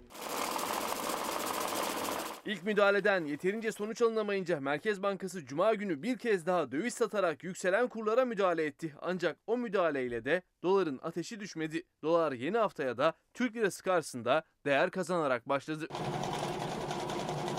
6 Aralık haftasına saat 9 itibariyle 13 lira 84 kuruşla başladı dolar. Euro ise 15 lira 65 kuruştan işlem görüyor. Altın fiyatları da cep yakıyor. Gram altın 800 liraya doğru ilerliyor. Kapalı çarşıda 794 liradan alıcı buluyor gram altın. Çeyrek altınsa 1300 lira. Haber masamızda Beyza ve Zafer'in dışında Duru Arca vardı, Ezgi Gözeger vardı. Onlara teşekkür ediyorum. Ve bunun dışında Yunus kardeşim benimle birlikte, Mümin kardeşim birlikte ve bunun dışında rejideki, kurgu servisteki bütün ekip arkadaşlarıma, danışmanıma, Nihal Kemaloğlu'na da emeği geçen bütün ekip arkadaşlarıma da teşekkür ediyorum. Savaş Yıldız'ın bugün kontrolündeyiz efendim. Dolar, euro, piyasalar ya böyle yüksek tansiyon gibi bir şey oldu. Evet ve hiç istemediğimiz bir zamanda oldu. Pandemi sonrasında en çok istemediğimiz şeylerden bir tanesi Türk lirasının değer kaybetmesi. Neden? Çünkü pandemi sırasında hepimiz biliyorduk ki bütün dünyada emtia fiyatları artacak. Bütün dünyada bir enflasyon tehlikesi baş gösterecek. Türkiye'nin de o yüzden kendi parasını değerli tutması için bir rezervinin olması lazımdı. Peki o rezerv nerede? Pandemiden önce o rezerv işte bu 128 milyar dolar tartışmasında o rezerv eridi gitti. Ve biz şimdi hiç istemediğimiz bir zamanda Türk lirasının aşırı değersiz olduğunu gördük. Size şöyle bir şey söyleyeyim. Dolar Türk lirası karşısında 1 lira değer kazandığında sadece bu yap işlet devret, işte bu kamu özel işbirliği projelerinden cebimizden 165 milyar lira çıkıyor. Sadece 1 lira çıktığında. Bakın şimdi e, Şahap Kavcıoğlu'nun bu 8.30 dolarken açıklamasından sonra şimdi 13.80'e geldik. Öyle değil mi? Yaklaşık 5,5 liralık bir artış var. Sırf buradan bile bizim cebimizden 1 trilyon lira sadece kamu özel işbirliği için para çıktı. Ve yine baktığımızda bu açıklamadan sonra yani 8.30'dan 13.80'e geldiğimiz zaman bizim dış borcumuz ne kadar arttı biliyor musunuz? 1.35 trilyon arttı. Biz bu sene, önümüzdeki sene bütün Türkiye'de toplayacağımız vergilerden daha fazla 3 ay içerisinde dış borçlandık. O kadar kötü bir ekonomi yönetimi var ki şimdi bize değersiz Türk lirasının ihracatımızı arttıracağı söyleniyor. Onun istihdamı arttıracağı Çin söyleniyor. modeli diyorlar. Çin modeli diyor. Ya şunu söylemek lazım. İki, iki soru var burada. Biz Çin olmak istiyor muyuz? Ben istemiyorum. İnsan haklarına saygısı olmayan, çevre haklarına saygısı olmayan, ucuz iş gücünü tamamıyla otoriter bir rejimle dikte ettirmeye çalışan Çin olmak istemiyorum. Biz neden bahsediyorduk 2023 Türkiye'sinde? Dünyanın evet dünyanın en iyi 10 ekonomisinden bir tanesi. Kişi başı milli geliri 25 bin dolar ekonomiden bahs 25 bin dolar olacak ekonomiden bahsediyoruz. Bugün asgari ücret 250 dolar. Bakın kişi başı milli gelir hedefimiz 25 bin dolar. Bu değersiz Türk lirasından dolayı şu anda asgari ücret 250 dolar. Şimdi o kadar büyük bir e, burada uçurum var ki bu uçurumu da bize yeni bir modelde yutturmaya çalışıyorlar. İki soru var burada. Biz Evet. Çin olmalı mıyız? İki Çin olabilir miyiz? Ben Çin olmak istemiyorum. Türkiye'ye yakışan Neden? bir şey değil bu. Birincisi 1980'lerde tamamıyla iş gücünü baskılayarak, çevreyi kirleterek, otoriter rejimi tamamıyla halkın üzerine empoze ederek büyüyen ve bunun maliyetini fazlasıyla Vahşi. ödeyen bir vahşi bir kapitalizmin Vahşi tam kapitalizm. oyuncağı olmuş bir Çin'i olmak istemiyorum ben. Bu Türkiye'ye yakışan bir şey değil. Türkiye 2023 Peki vizyonu diyelim, budur. diyelim Sayın Erdoğan haklı. Olabilir miyiz Çin? Olamayız. Neden? Bakın şöyle, şimdi büyüme stratejileri, ülkelerin büyüme kalkınma stratejileri çok uzun yıllar e, sürecek stratejilerdir. Öyle 6 ay önce Almanya olmak istiyorum, 6 ay sonra da Çin olmak istiyorum diyemezsiniz. Bu üretim yapısıyla nasıl Çin olacaksınız? Bakın şimdi birazdan bahsedeceğiz. Tüp fiyatlarından bahsedeceğiz, süt fiyatlarından bahsedeceğiz, et fiyatlarından bahsedeceğiz. Bunun temel sebebi ne? Türkiye maalesef üretim yapısı açısından dışa bağımlı. İthal bağımlılığı çok yüksek. Biz Türk lirasını değersizleştirdiğimiz zaman bizim üretim maliyetlerimiz artıyor. Bugün hangi sanayiciyle konuşursanız konuşun iki şeyden dertlenir. Bir, üretim yapmak için ithal ara malı ve yatırım malı sipariş ettiğinde artan faturalardan şikayetçi olur. Bir de bu kur oynaklığından. Doları 13.80'den mi hesaplayacak yoksa 13'ten mi hesaplayacak? Yani kurun seviyesi kadar Peki. kurdaki o belirsizlik önemli. O yüzden Türkiye'nin öyle kolay kolay Çin olması mümkün değil. Türk lirasının değersizleşmesi başta bizim sanayicimize yaramıyor. Neden? Çünkü biz e, dışa bağlı bir üretim yapısına sahibiz. Kurun değer kazanması yani Türk lirasının değersizleşmesi çiftçimize yaramıyor. İşte girdi maliyetlerinin çok yüksek olmasından dolayı biz bugün gıda fiyatlarında bu kadar yüksek seviyeleri görüyoruz. Çok yüksek bir enflasyon görüyoruz. Yani bir, Türkiye Çin olmamalı. İki, istese de Türkiye Çin olamaz. Bu işler öyle yapboz tahtası gibi. 5 ay önce Güney Kore olmak istiyordum. 6 ay sonra Çin olmak istiyorum demekle olmaz. Orta uzun vadeli bir planınız vardır. Ona göre hareket edersiniz. Son bir şey daha ekleyeyim. Şu andaki tam işte bu yapraklar dökülürken bu bizim ekonomi politikası da bir kuru yaprak gibi devamlı oradan oraya savruluyor. 6 ay sonra nasıl bir ülke modelini benimseyeceğimizi şu anda bence Cumhurbaşkanı bile bilmiyor. Şimdi değerli izleyenler bir bilgilendirme yapacağım ama yönetmenimden rica edeyim gazeteleri beraber okuyalım. Şimdi ben Ümit Bey'i ilk defa görüyorum yüzde bugün. Daha evvel herhangi bir yerde tanışmışlığım yok ama uzaktan gayet tabii işi siyaseti takip etmek olan birisi olarak takip ediyordum kendisini. Meral Hanım da kendisini önemsiyor. Dolayısıyla ilk defa e, konuşuyoruz. Fakat dün telefonda tabii konuştum. Ben Twitter'ına girdim, oraya girdim, açıklamalarına falan baktım. Sonra konuşurken dedim ki akşam ana haberi izleyin bizim dedim. Çünkü bizim ana haberimiz biliyorsunuz böyle ekonomi, yokluk, yoksulluk ve buradan çıkış noktalarını mutlaka gündeme taşır. Hatta izlediniz mi diye de sordum akşam. İstanbul'da mısınız dedim normalde Ankara'da. İstanbul'da mısınız? Evet. Peki haberleri izlediniz mi? İzledim. Et izlediniz mi? Süt izlediniz mi? Tüp izlediniz mi? Çünkü halkın gerçek... Neden bunu söylüyorum biliyor musunuz Ümit Bey? Televizyonların %99'da bunlardan hiç bahsetmiyorlar. Onlara bakarsam Türkiye o fıstık gibi. Kelebekler uçuşuyor etrafta. Aynen. Onun Ve- için bunları konuşalım. Tabii memnun Şimdi bir, kısa kısa manşetleri okuyacağım. Sözcü. Milletin ekmeğiyle oynamayın. İstanbul'da düşük gramajlı ekmeği 3 liradan satıyorlar. Yarım simit satmaya başladılar İsmail Bey. Yani biz bu e, buğday fiyatlarının artışından dolayı ekmek fiyatlarının Ekim-Kasım gibi artacağını daha Mayıs ayında söyledik. Bakın biz muhalefet partisi olarak bunu dile getirdik ve mutlaka bunun için bir önlem alın diyoruz. Tarımda bu e, ithal girdi maliyetlerinin çok yüksek olmasından dolayı e, bir problem yaşanacağını aylar öncesinden söylüyoruz.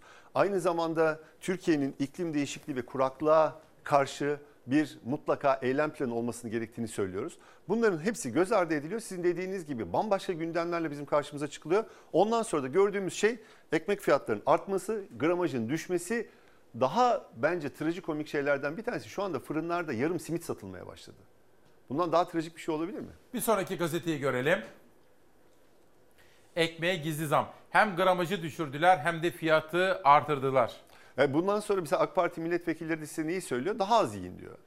Ee, olmazsa diyor işte e, 4 kilo et tüketeceğinizi 2 kilo et tüketin diyor. Şu anda haftada 200 gramdan daha es, daha az et tüketen 8 milyon vatandaşımız var bizim. İnsanlar ekmeğin hem gramajı düşüyor hem fiyatı arttığı zaman bu sizin direkt olarak bütçenize yansıyor. Şimdi bu tamamıyla yoksulluğun resmedilmiş hali. Ekmeğe zam, süte zam, tüpe zam, her şeye zam. Ben yönetmenimden rica edeceğim. Evet. Savaş sıradaki haberi yarına tutalım. Onu yarın izletelim. İstanbul enflasyon haberimiz var ama onu yarına e, gider birazcık üzerinde konuşurum ben. Esnaf haberi bir izlemek istiyorum. Esnafı Tabii. da soracağım. Geçelim 9 sütundan pencereye. Pencere gazetesi rica etsem. Heh. Şimdi Sayın Başkan siz evli misiniz efendim? Evet. Çocuğunuz var mı?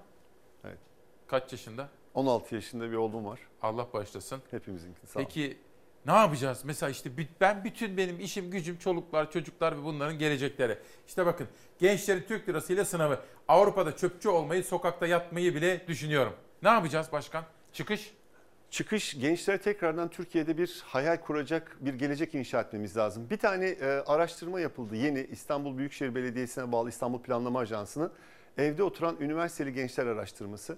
Bakın bu çok önemli bir araştırma. Benim çok e, içimi acıttı. Burada e, üniversite mezunu gençlerle yapılan anketlerden bahsediliyor. %87'si neredeyse hepsi %87'si iş bulamamasını yukarı tarafta, yukarı mevkilerde bir tanıdığı olmamasına bağlıyor. %67'si Yani dayımız yok diyor. Dayımız, a- amcamız halk tabiriyle dayım yok Dayımız, arkamda. amcamız yok diyor. Bakın beni çok üzen şeylerden bir tanesi ne biliyor musunuz? Bu çocukların dörtte üçü iş bulamadıkları için ailesine karşı mahcubiyet hissediyor. Bir çocuğun annesine babasına karşı mahcubiyet hissetmesi ne kadar kötü bir şeydir değil mi? Yani. Ve bunu üniversite mezunu bir genç iş bulamadığı için yapıyor. Çocukların üçte ikisi 4 seneden beri e, iş arıyorlar, bulamıyorlar ve %86'sı işte tam bu e, haberde olduğu gibi bir fırsatını bulursa yurt dışına kaçmak istiyor. Yazık. Bunlar bizim çocuklarımız ve maalesef üniversiteler şu anda işsizliği 4 seneliğini öteleyen kurumlar haline geldiği için ve Cumhurbaşkanı da bununla övündüğü için iş daha iyi gitmeyecek gibi duruyor.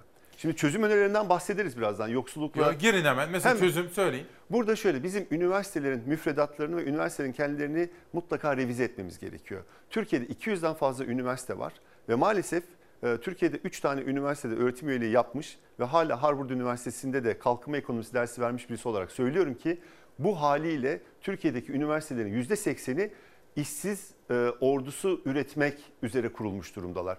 Bizim bu üniversiteleri revize etmemiz lazım. İş dünyasının e, ihtiyacı olduğu becerileri, yetenekleri bizim bu üniversitelerde daha kısa süreli eğitimlerle vermemiz gerekiyor. Geçen hafta e-ticaret konusunda duayenlerden bir tanesiyle konuşuyordum. O diyordu ki bizim yazılımcı ihtiyacımız var, bilgisayar mühendisi ihtiyacımız var ve ben önümüzdeki sene 3000 tane bilgisayar mühendisi ya da yazılımcı almak istiyorum. Sonrasında ben kendisine sordum. Sizin ihtiyacınız olan yeteneklerde iyi para ödeyeceğiniz bir yazılımcıya ne kadarlık bir eğitim vermek yeterli? 16 ayda yetişir dedi. Yani biz aslında burada şunu da sorgulamalıyız İsmail Bey. 4 senelik bir üniversite eğitimi ve işsiz ordusu mu daha kısa süreli ve iş dünyasının hemen ihtiyacı olan iyi para sağlayabilecek, iyi bir kariyer sağlayabilecek bir mesleki eğitim mi? Benim tercihim ikincisinden yana. Her tarafa üniversite açmak belki kent ekonomisine iyi gelebilir ama bu çocukların giderek daha fazla oranda e, işsiz kalmasına yol açıyor. O yüzden bize mutlaka geleceğin yeteneklerini tespit edip bu geleceğin yeteneklerini mevcut üniversite kampüslerini kullanarak daha kısa sürede e, öğretmemiz gerekiyor. Bak bu o kadar doğru ki Ümit Bey. Ben hafta sonunda memleketimdeydim Simav'da. Bu 80'lerinde duayen bir girişimciye gittim. Aynı zamanda hayırseverdir Nurullah Koyuncuoğlu. Zehra abla var. Zehra Koyuncuoğlu o götürdü. Orada koca bir kereste fabrikasındaki müdürlerle konuştum, yardımcılarıyla falan. Hep bunu söylediler. Dediler ki üniversite mezunları iş bulamıyor ama biz de aradığımız tarzda işçi bulamıyoruz. Meslek liselerine ağırlık verilmesi gerekir. Tam sizin söylediğiniz gibi. Evet. Onlar bana bunları anlattılar Evet. işte. Benim babam memleketim Balıkesir Ayvalık, annem de İzmirli. Ee, Balıkesir'e gittiğimizde biz bu projeden bahsettik. Bizim teknoloji kampüsü projemiz var. Güzel. Diyoruz ki üniversiteler yerine üniversitelerin e, altyapısını kullanarak teknoloji kampüsleri açalım ve bu teknoloji kampüslerinde mesela Balıkesir'in ihtiyacını e, tarım alanında iyi yetişmiş eleman, değil mi? Evet. tarım teknolojilerine sahip olan, e, hayvan sağlığı konusunda çalışmalar yapacak, teknoloji çalışmaları yapacak yerler. Biz dedi ben Balıkesir'deki e, ticaret ve sanayi odasına gittiğimde bunu söyledim. Bizim böyle bir projemiz var. Orada bir girişimci vardı. Orada kolejleri varmış. Demiş ki dedi ki ben hemen böyle bir e, konuda yatırım yapmayı düşünebilirim. Yani devlete bile gerek yok. Ben yaparım çünkü Yeter biliyorum ki açsınlar. ben tarım teknolojileri konusunda bir uzmanı iki sene içerisinde yetiştirirsem o çocuğa iş bulurum. Yani böyle bir talep var. Bizim bu açıdan yeni dördüncü sanayi devrimine geçtiğimiz, dijital dönüşümü konuştuğumuz bir dönemde artık tamamıyla birinci sanayi devrimini, ikinci sanayi devrimini o eğitim kurumları olan üniversiteleri değiştirmeyi düşünmemiz lazım. Bakın Amerika Birleşik Devletleri'nde Lambda Akademi diye bir akademi var. Bu bir lise mezununu çok rahatlıkla Amazon'da, Google'da bir veri analisti olarak yetiştirebiliyor. Ve 12 ay, 14 ayda yapabiliyor bunu. Bizim de bunları düşünmemiz lazım. Eğitim başta olmak üzere çok daha çevik bir şekilde hareket etmemiz gerekiyor. Peki şimdi bütün bunları konuşmaya devam edelim. Evet. Dün Ümit Bey yüreğimizi sızlatan bir video izledik. Aslında tüp fiyatları. Ana haberi de izlediğinize göre Evet. onu da biliyor olmalısınız. Savaş hazır mıyız? Emekliyi biz izleyelim bakalım. Sobayı tutuşturmak için böyle getiriyorum. O da bak tüpüm bitmiş gördün mü? Aha bütün gün aşağı yukarı böyle bu yolda gelip gidiyorum. Bir kız çocuğum var ellerinizden öper. ihtiyaçlarını karşılayamıyoruz. Yani sadece tüp değil ki kurban olduğum ablama sadece tüp değil ki. Kızartma en basit ya bir patates kızartacağız yağ lazım. Tüp aldı başını gitti eyvallah. Yağ aldı başını gitti, şeker aldı başını gitti. Bir aydır bu zamlar bitmedi. Bir ayda üst üste iki kere zam geldi. Şu an resmi satış fiyatı 225 TL. Mutfak tüpüne gelen zammı TÜİK de gizleyemedi. Bir ayda %14, bir yılda %57 zamlandı TÜİK'e göre. Dar gelirli zaten zor alıyordu tüpü, şimdi neredeyse alamaz hale geldi. Çünkü 12 kilogramlık tüpün fiyatı 225 liraya çıktı. Pahalı mı? Çok. kaç gün gidiyor bir tüp? Bir ay falan. Ben bazen işte ya, odun yakıyorum dışarıda. Yemek falan yapıyoruz. Sobanın üstüne yapıyoruz. Büyük tüpü alamayan piknik tüp değiştirmeye çalışıyor yani. Piknik tüpler ne kadar? Piknik tüpler şu an resmi satış fiyatı 45 TL oldu. Önce tüp vardı doluyordu şimdi tüp mup yok. Yani boş. Bitince büyük tüp ne yapıyorsunuz? Bittiyse küçük de kullanıyor. Sobada kaynatıyor her şeyimizi yemeğimizi. 185 lira bir tüp. Ha şimdi şu anda 180 belki ay başında 200 lira olur yani kesin. En son 9 Kasım'da haber yaptığımızda mutfak tüpünün fiyatı 185 liraydı. Üzerinden bir ay bile geçmeden tüp iki kez zamlandı. Önce 205 liraya şimdi de 225 liraya yükseldi. Mutfakta yemek zaten zor pişiyordu. Son zamla daha da zorlaştı. Ben işsiz kaldım. Çalışamadım, ekmek bulamadım. Namerdim yalan söylüyorsam. Fabrikaya iş, iş bakmaya gittim. Orada kapının önündeki ekmeği aldım geldim. Adamdan rica ettim dedim ki ben bunu dedim bizim tavuklarımız var onlara götüreceğim dedim. Yalan söyledim getirdim. Eşim hiç üşenmeden onu yaptı beraber oturduk yedik ya. 1500 lira emekli maaşıyla geçinmeye çalışan İsmail Eroğlu gibi dar gelirli artık daha da zorlanıyor. Gıdadaki zamlar nedeniyle sıra tüp zammını düşünmeye bile zor geliyor. mutfağa gelecek ki ondan sonra tüpe koyalım. Mutfağa getiremediğimiz eti, ne bileyim gıdayı, pirinci, unu, makarnayı, bulguru tüp olsa ne olur? Veresiye mi alıyorsunuz? Veresiye alıyorum. Ne kadar gidiyor bir tüp? O en fazla 18 gün gidiyor. Sobada yaptığım için 18 gün gidiyor. Elife Eroğlu en son iki ay önce tüpünü almıştı. Memlekete gitti geldi. Şimdi tüpü bitmek üzere. O da tüp alana kadar sobayla idare ediyor. Çayını bile sobada kaynatıyor. Tüpçü getirirse sağ olsun. Takıyor getirmese bekliyorum. İşte ne zaman tüp parasını biriktirirsem. Tüpü bile az kullanmak için formüller arıyor dar gelirli. Soğukuyoruz, pişirmiyoruz. Kaynıma götürüyorum. Onun doğal gazı var işte. Ondan pişiriyorum. Ya da yukarıya götürüyorum gelininde. Orada pişiriyorum götürüyorum. İşte memleketin hali pür melali genel görünümü böyle. Ümit Özdağ'lı'ya ben yoksulluğu soracağım. Hani erken saatlerde söyledim ya dün Barolar Birliği Başkanı'nı, yeni başkanını aradım. Erinç Sakan'ı. Sonra Vahap Seçer'i aradım Mersin nasıl geçti diye. Onlardan özel haberler verdim ya. Bu defa Ali Babacan beni aradı mesela. Ali Babacan da kaygılıydı ülkenin gidişatı konusunda. Hani genelde ben de onu arıyorum diğer kaynaklarımda olduğu gibi. Dedi ki İsmail Bey ne, ne yapıyorsunuz? İşte böyle konuşuyoruz. Üzüntülüyüm efendim dedim. Ya ülkenin durumu içler acısı. Ben memleketimden geldim. İnsanlar yoksul dedim. Daha da kötüsü şöyle. Düzelir mi efendim dedim. Ya bu zihniyetle dedi düzelmesi mümkün değil İsmail Bey dedi. Yoksulluk ne yapacağız? Nasıl çıkacağız? İlk önce bu görüntüler bana neyi hatırlatıyor biliyor Neyi? musunuz? Ee, bizim Sayın Cumhurbaşkanı'nın özendiği Çin'i hatırlatıyor. Çin'de bu görüntüler olur. Yani biz maalesef toplum yapısal olarak oraya yavaş yavaş benziyoruz ve buna da isyan etmemiz gerekiyor mutlaka. Ee, Türkiye'de biz uzun zamandır İyi Parti olarak e, yoksulluğu çalışıyoruz ve bunun için çözüm önerileri geliştirmeye çalışıyoruz. Şimdi ben size bir soru sorayım. Hep bana soruyorsunuz ya. Hiç e, sürekli yoksulluk diye bir kavram duydunuz mu? Tabii bunu bize geçtiğimiz günlerde Hacer Fogo'yu ağırladık burada. Hacer hem Hanım, derin yoksulluk hem de sürekli yoksulluk diye yeni kavramlardan bahsediyor. Evet, sürekli yoksulluk şu. Şu anda işsiz, e, şu anda yoksul olan ve geçtiğimiz 3 senenin ikisinde yoksul olan kesim. Şimdi Türkiye'de yine araştırmalara göre tam e, 11 milyon sürekli yoksulumuz var. Bizim Türkiye'nin %13'üne denk geliyor bu. Türkiye'de yoksulluk oranı %20'nin üstünde. Bu sürekli yoksul dediğimiz son 3 sene boyunca o yoksulluk tuzağından çıkamayan e, kişi sayısı 11 milyon. Bu ne demek biliyor musunuz İsmail Bey? Türkiye'nin 39 tane ilinin nüfusun toplamından fazla Türkiye'de sürekli yoksulluk var demek. Bu yoksullukla mücadele bizim için kısa, orta ve uzun vadede bir öncelik olmalıdır. Fırsat eşitliğini sağlamak bizim için kısa, orta ve uzun vadede bir öncelik olmalıdır. Ben size bu, bu yoksulluk görüntüleri benim çok içimi acıtıyor ama daha çok içimi acıtan şeyi söyleyeyim o da çocuk yoksulluğu. Türkiye'de kaç tane yoksul çocuk var biliyor musunuz? 6 milyon. Bu benim değil ya da İyi Parti'nin değil, TÜİK'in araştırmalarının sonucu. 6 milyon İrlanda, Norveç, Danimarka'nın nüfusundan daha fazla. Yani bizim İrlanda, Norveç, Danimarka'nın nüfusundan daha fazla yoksul çocuğumuz var. Çocuğumuz değil, yoksul çocuğumuz var. Bu yoksul çocukların şimdi sıkı durun. 414 bin tanesi iyi beslenemediği için sürekli sağlık problemi yaşıyor. Bodur kalıyorlar. Evet.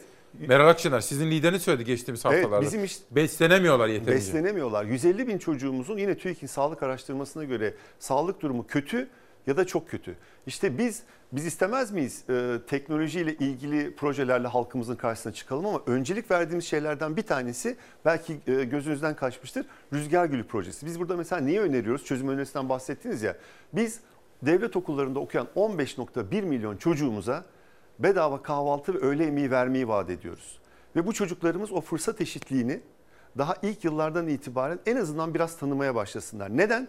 Bakın Türkiye'de şu anda 6 milyon çocuğumuz yoksulken biz bunların karnını doyuramazsak eğer orta uzun vadede faizler düşmüş, ondan sonra enflasyon düşmüş. Bunun hiçbir anlamı yok. Bizim için Jean-Jacques Rousseau'dan itibaren en önemli şey nedir bir toplum için biliyor musunuz? O fırsat eşitliğini vermek. Fırsat eşitliğini nasıl verebilirsiniz? İyi bir barınma sağlayabilirsiniz, güvenlik sağlayabilirsiniz ama aynı derecede önemli olarak bu çocukların karnını doyurmanız lazım. Bu çocukları dengeli beslenme, e, dengeli beslenmelerini sağlamanız lazım. Türkiye'de 666 bin öğrenci öğrenme zorluğu çekiyor iyi beslenemediği için. Bugün bakın e, daha gelmeden önce bir e, derin yoksulluk çalışırken bir sosyal hizmetler uzmanıyla çalışıyoruz. Bana bir tane gönderdiği haberi söyleyeyim ben size. Bugün e, şeyde ilkokulda ikinci, üçüncü sınıftaki öğrenciler bu EBA'ya erişemedikleri için pandemi sürecinde okuma yazma bilmediklerinden dolayı Milli Eğitim Bakanlığı tarafından rehabilitasyon merkezlerine gönderilmişler. Bu kadar acı bir şey olabilir mi? Milli Eğitim Bakanlığı bunlara okuma yazmayı öğretmiyor. Öğrenemediği için çocuk birçok yerde internet falan yok. Öğrenemediği için çocuk rehabilitasyon merkezine gönderiliyor ve bir engelli çocuk olarak bundan sonra nitelendiriliyor. Biz diyoruz ki ilk başta biz çocuklarımıza, devlet okullarında okuyan çocuklarımıza kahvaltı ve öğle yemeğini verelim. Yerel yönetimlerle. İyi proje bu. Çok iyi, İyi proje. proje. Neden? Bakın ne, neler olacak ben size söyleyeyim. Bir, e, ilkokul okul öncesi çağdaki 235 bin çocuğumuz, okul çağındaki yani e, 4 ila 24 yaş arasındaki 1.9 milyon çocuğumuz birincisi hasta olmayacak. Hastalıktan kurtaracağız. 720 bin kişiye bu yemekler verirken ek istihdam sağlayacağız. PISA skorlarında 35. sıradan 17. sıraya ineceğiz. Çünkü bir çocuk dengeli beslendiği zaman matematikte, dil bilgisinde başarılı olabiliyor. Ee, Bunları eğitimdeki o başarıda sürekli hale getireceğiz. Okullaşma oranını arttıracağız ve daha önemlisi ne biliyor musunuz? Bu aileler, gösterdiğiniz ailelerin çok önemli bir sıkıntısı şu. Okula giderken çocukların cebine harçlık koyamıyorlar.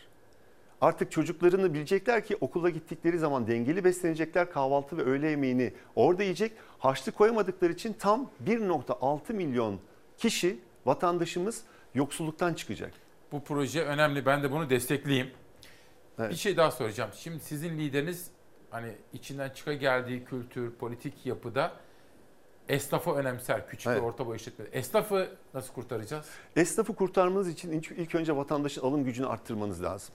Esnaf ne zaman mutlu olur? Vatandaşın alım gücü yüksek olup vatandaş ondan alışveriş yaptığı zaman mutlu olur. Bakın e, 25-30 senelik bir esnafı düşünün. 25 sene boyunca vergisini ödüyor. Sadece pandemi döneminde istiyor ki devletinden şu bir buçuk yıl içerisinde ben sana 25 yıl boyunca baktım. Şimdi sen bana bak. Ve bir buçuk yıl boyunca esnafa verdikleri destek 1000 lira 2000 lira. Size şöyle söyleyeyim. Bakın bir örnek vereyim. Yapılan bu e, hataların e, maliyetini anlatmak için. Şahap Kavcıoğlu'nun bu dolar 8.30 iken ben faizleri indireceğim diye açıklaması var ya. Tam o zamandan itibaren Türkiye'nin dış borcu 1.35 trilyon arttı.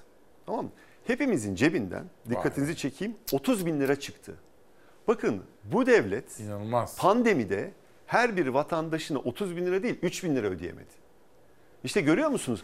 Liyakatsiz, liyakatsiz, beceriksiz bir adamı siz sadece kendisine biat etsin diye Merkez Bankası başına oturtursanız, ondan sonra kimsenin inanmadığı bu deli saçması teorileriyle faiz düşürmeye çalışırsanız bu bizi fakirleştirir. Fakirleştirir de hepimiz şu anda siz ben biraz önce o yayında teşekkür ettiğiniz insanların hepsi son 3 ay içerisinde 30 bin lira borçlandı. Bakın biz pandemi döneminde bunun onda birini alamadık. Şimdi mesela siz dediniz ya ben belki de hani tanımıyorum. Merkez Bankası Başkanı belki de liyakati yüksek biridir. Belki de becerikli biridir. Ama ben şunu söylüyorum. Ben bunu bilmiyorum. Hani siz iddia edebilirsiniz ama ben aksine inanmak isterim. Ama şunu bilirim. Politikacılar müdahale ediyorlar ona. Evet. Merkez Bankası bağımsız olsa belki de bunları yaşamayacağız. İlk önce biraz önce bana sordunuz ya dolar ne olur diye. Şu an doların bir üst limiti yok maalesef. Neden yok biliyor musunuz? Çünkü bizim Merkez Bankası enflasyonla mücadeleyi, fiyat istikrarını artık öncelik olmaktan çıkarttı. Şimdi Türk lirasının sonsuza kadar değer kaybedebileceği bir durumda siz dolar için herhangi bir yorum yapabilir misiniz? Yapamazsınız. Dolar da yukarı doğru çıkabilir. İkinci nokta da şu. Merkez Bankası Başkanı başkanı olduğu kurumun bir bağımsız olduğunu hatırlamalı. Aynı zamanda hatırlatmalı. Burası hatırlıyor? bağımsız bir kurumdur efendim Evet. diyecek. Ne hatırlıyor diyecek. ne de hatırlatıyor. Temel problem burada. Böyle olduğu zaman biz Sayın Cumhurbaşkanı'nın kimsenin artık inanmadığı, dünyada hiçbir geçerliği olmayan, akılla, bilimle bağdaşmayan düşüncelerini Peki. ona biat eden Merkez Bankası Başkanı'nın uyguladığını görüyoruz. Sonucunda hepimiz daha fazla borçlanarak, daha fazla fakirleşerek ödüyoruz. Size son bir soru soracağım. Lütfen. Ama bu arada değerli izleyenler tabii biz Fox'un haber merkezinin ve yönetimin bize verdiği bu özgürlük ortamının tabii hakkını vermeye çalışıyoruz. Onlara teşekkür ediyorum. Doğan Şentürk yönetimindeki Fox Haber'de hep arkamızda. Onlara da teşekkür ediyorum. Şimdi gündemi çalışırken Cuma günüydü galiba tatilden sonra Nihal aradı dedi ki Nihal Kemaloğlu Erinç Yeldan Hoca'yı yayına çağırmalısın dedi. Çünkü Erinç Yeldan Hoca Türkiye'nin yetiştirdiği en iyi iktisatçılardan bir tanesidir. Onu mezun olduğu Boğaziçi Üniversitesi'ne sokmadılar efendim bakın. Erinç Hoca'yı da arıyorum. Yakında bu hafta değil ama belki de ondan sonraki hafta konuk edeceğim. Son soru. Bugün hani Erinç Yeldan dedik ama Profesör Erinç Yeldan. Fakat aslında bugün bir başka Erinç'i de konuşuyoruz. Erinç Hakan'ı Barolar Birliği'nde bir değişim oldu. Nasıl yorumluyorsunuz? İlk önce çok sevdiğim dostum, beraber Fenerbahçe maçlarına gidip acı çektiğimiz, çok sevdiğim meslektaşım Erinç Eldan'ı buradan saygıyla anayım. Ee, Kendisi Boğaziçi Üniversitesi'nin en saygın mezunlarından bir tanesidir. Ee, Aynı mesleği yaptığım için, dost olduğum için de gurur duyduğum birisidir. Ee, Ona geçmiş olsun bile diyemiyorum.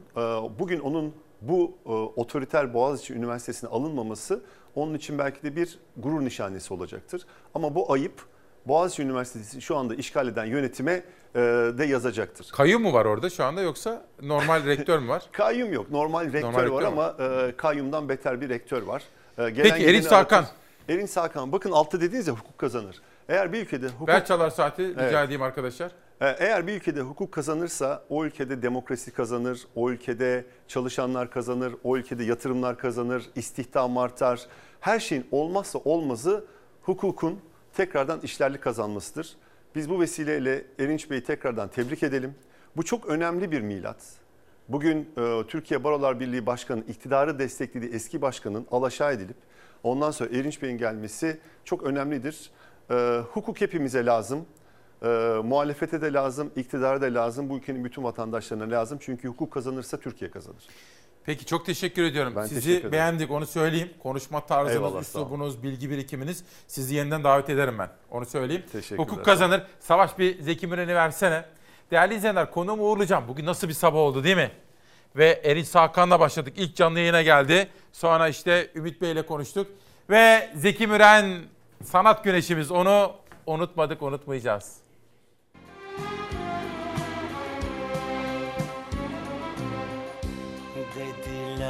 Dediler zamanla hep azalırmış sevgiler. Olsun bana seninle geçen yıllarım yeter. Dediler zamanla hep azalırmış sevgiler Olsun bana seninle geçen yıllarım yeter Nasıl olsa her şeyin zamanla sonu yok mu? Ömür dediğimiz şey küsecek kadar çok mu? Nasıl olsa her şeyin zamanla sonu yok mu? Ömür dediğimiz şey küsecek kadar çok mu? Sanat güneşimiz Zeki Müren. Dediler zamanla 6 Aralık onu sevgiyle, saygıyla, özlemle anıyoruz. Bugün doğum günü onun. Doğum günü demişken benim çok sevgili kız kardeşim, iki kız kardeşim var. Erkek kardeşim de var ama kız kardeşim Serpil Küçükkaya'nın, Serpil Küçükkaya Kökler'in de bugün doğum günü. Çok uzaklarda o, Amerika'da. Onu da bütün ailesiyle birlikte hasretle kucaklıyorum efendim. Sevmek eskidenmiş güzelim Murat Şahin. Erde Erden dudak payı gülüşünden ve Jale Topaloğlu'ndan şiirler gelmiş efendim. Bu sabah da bizimle olduğunuz için içtenlikle teşekkür ediyoruz. Yarın sabah şahane bir kadınla sizleri tanıştıracağım. sonu yok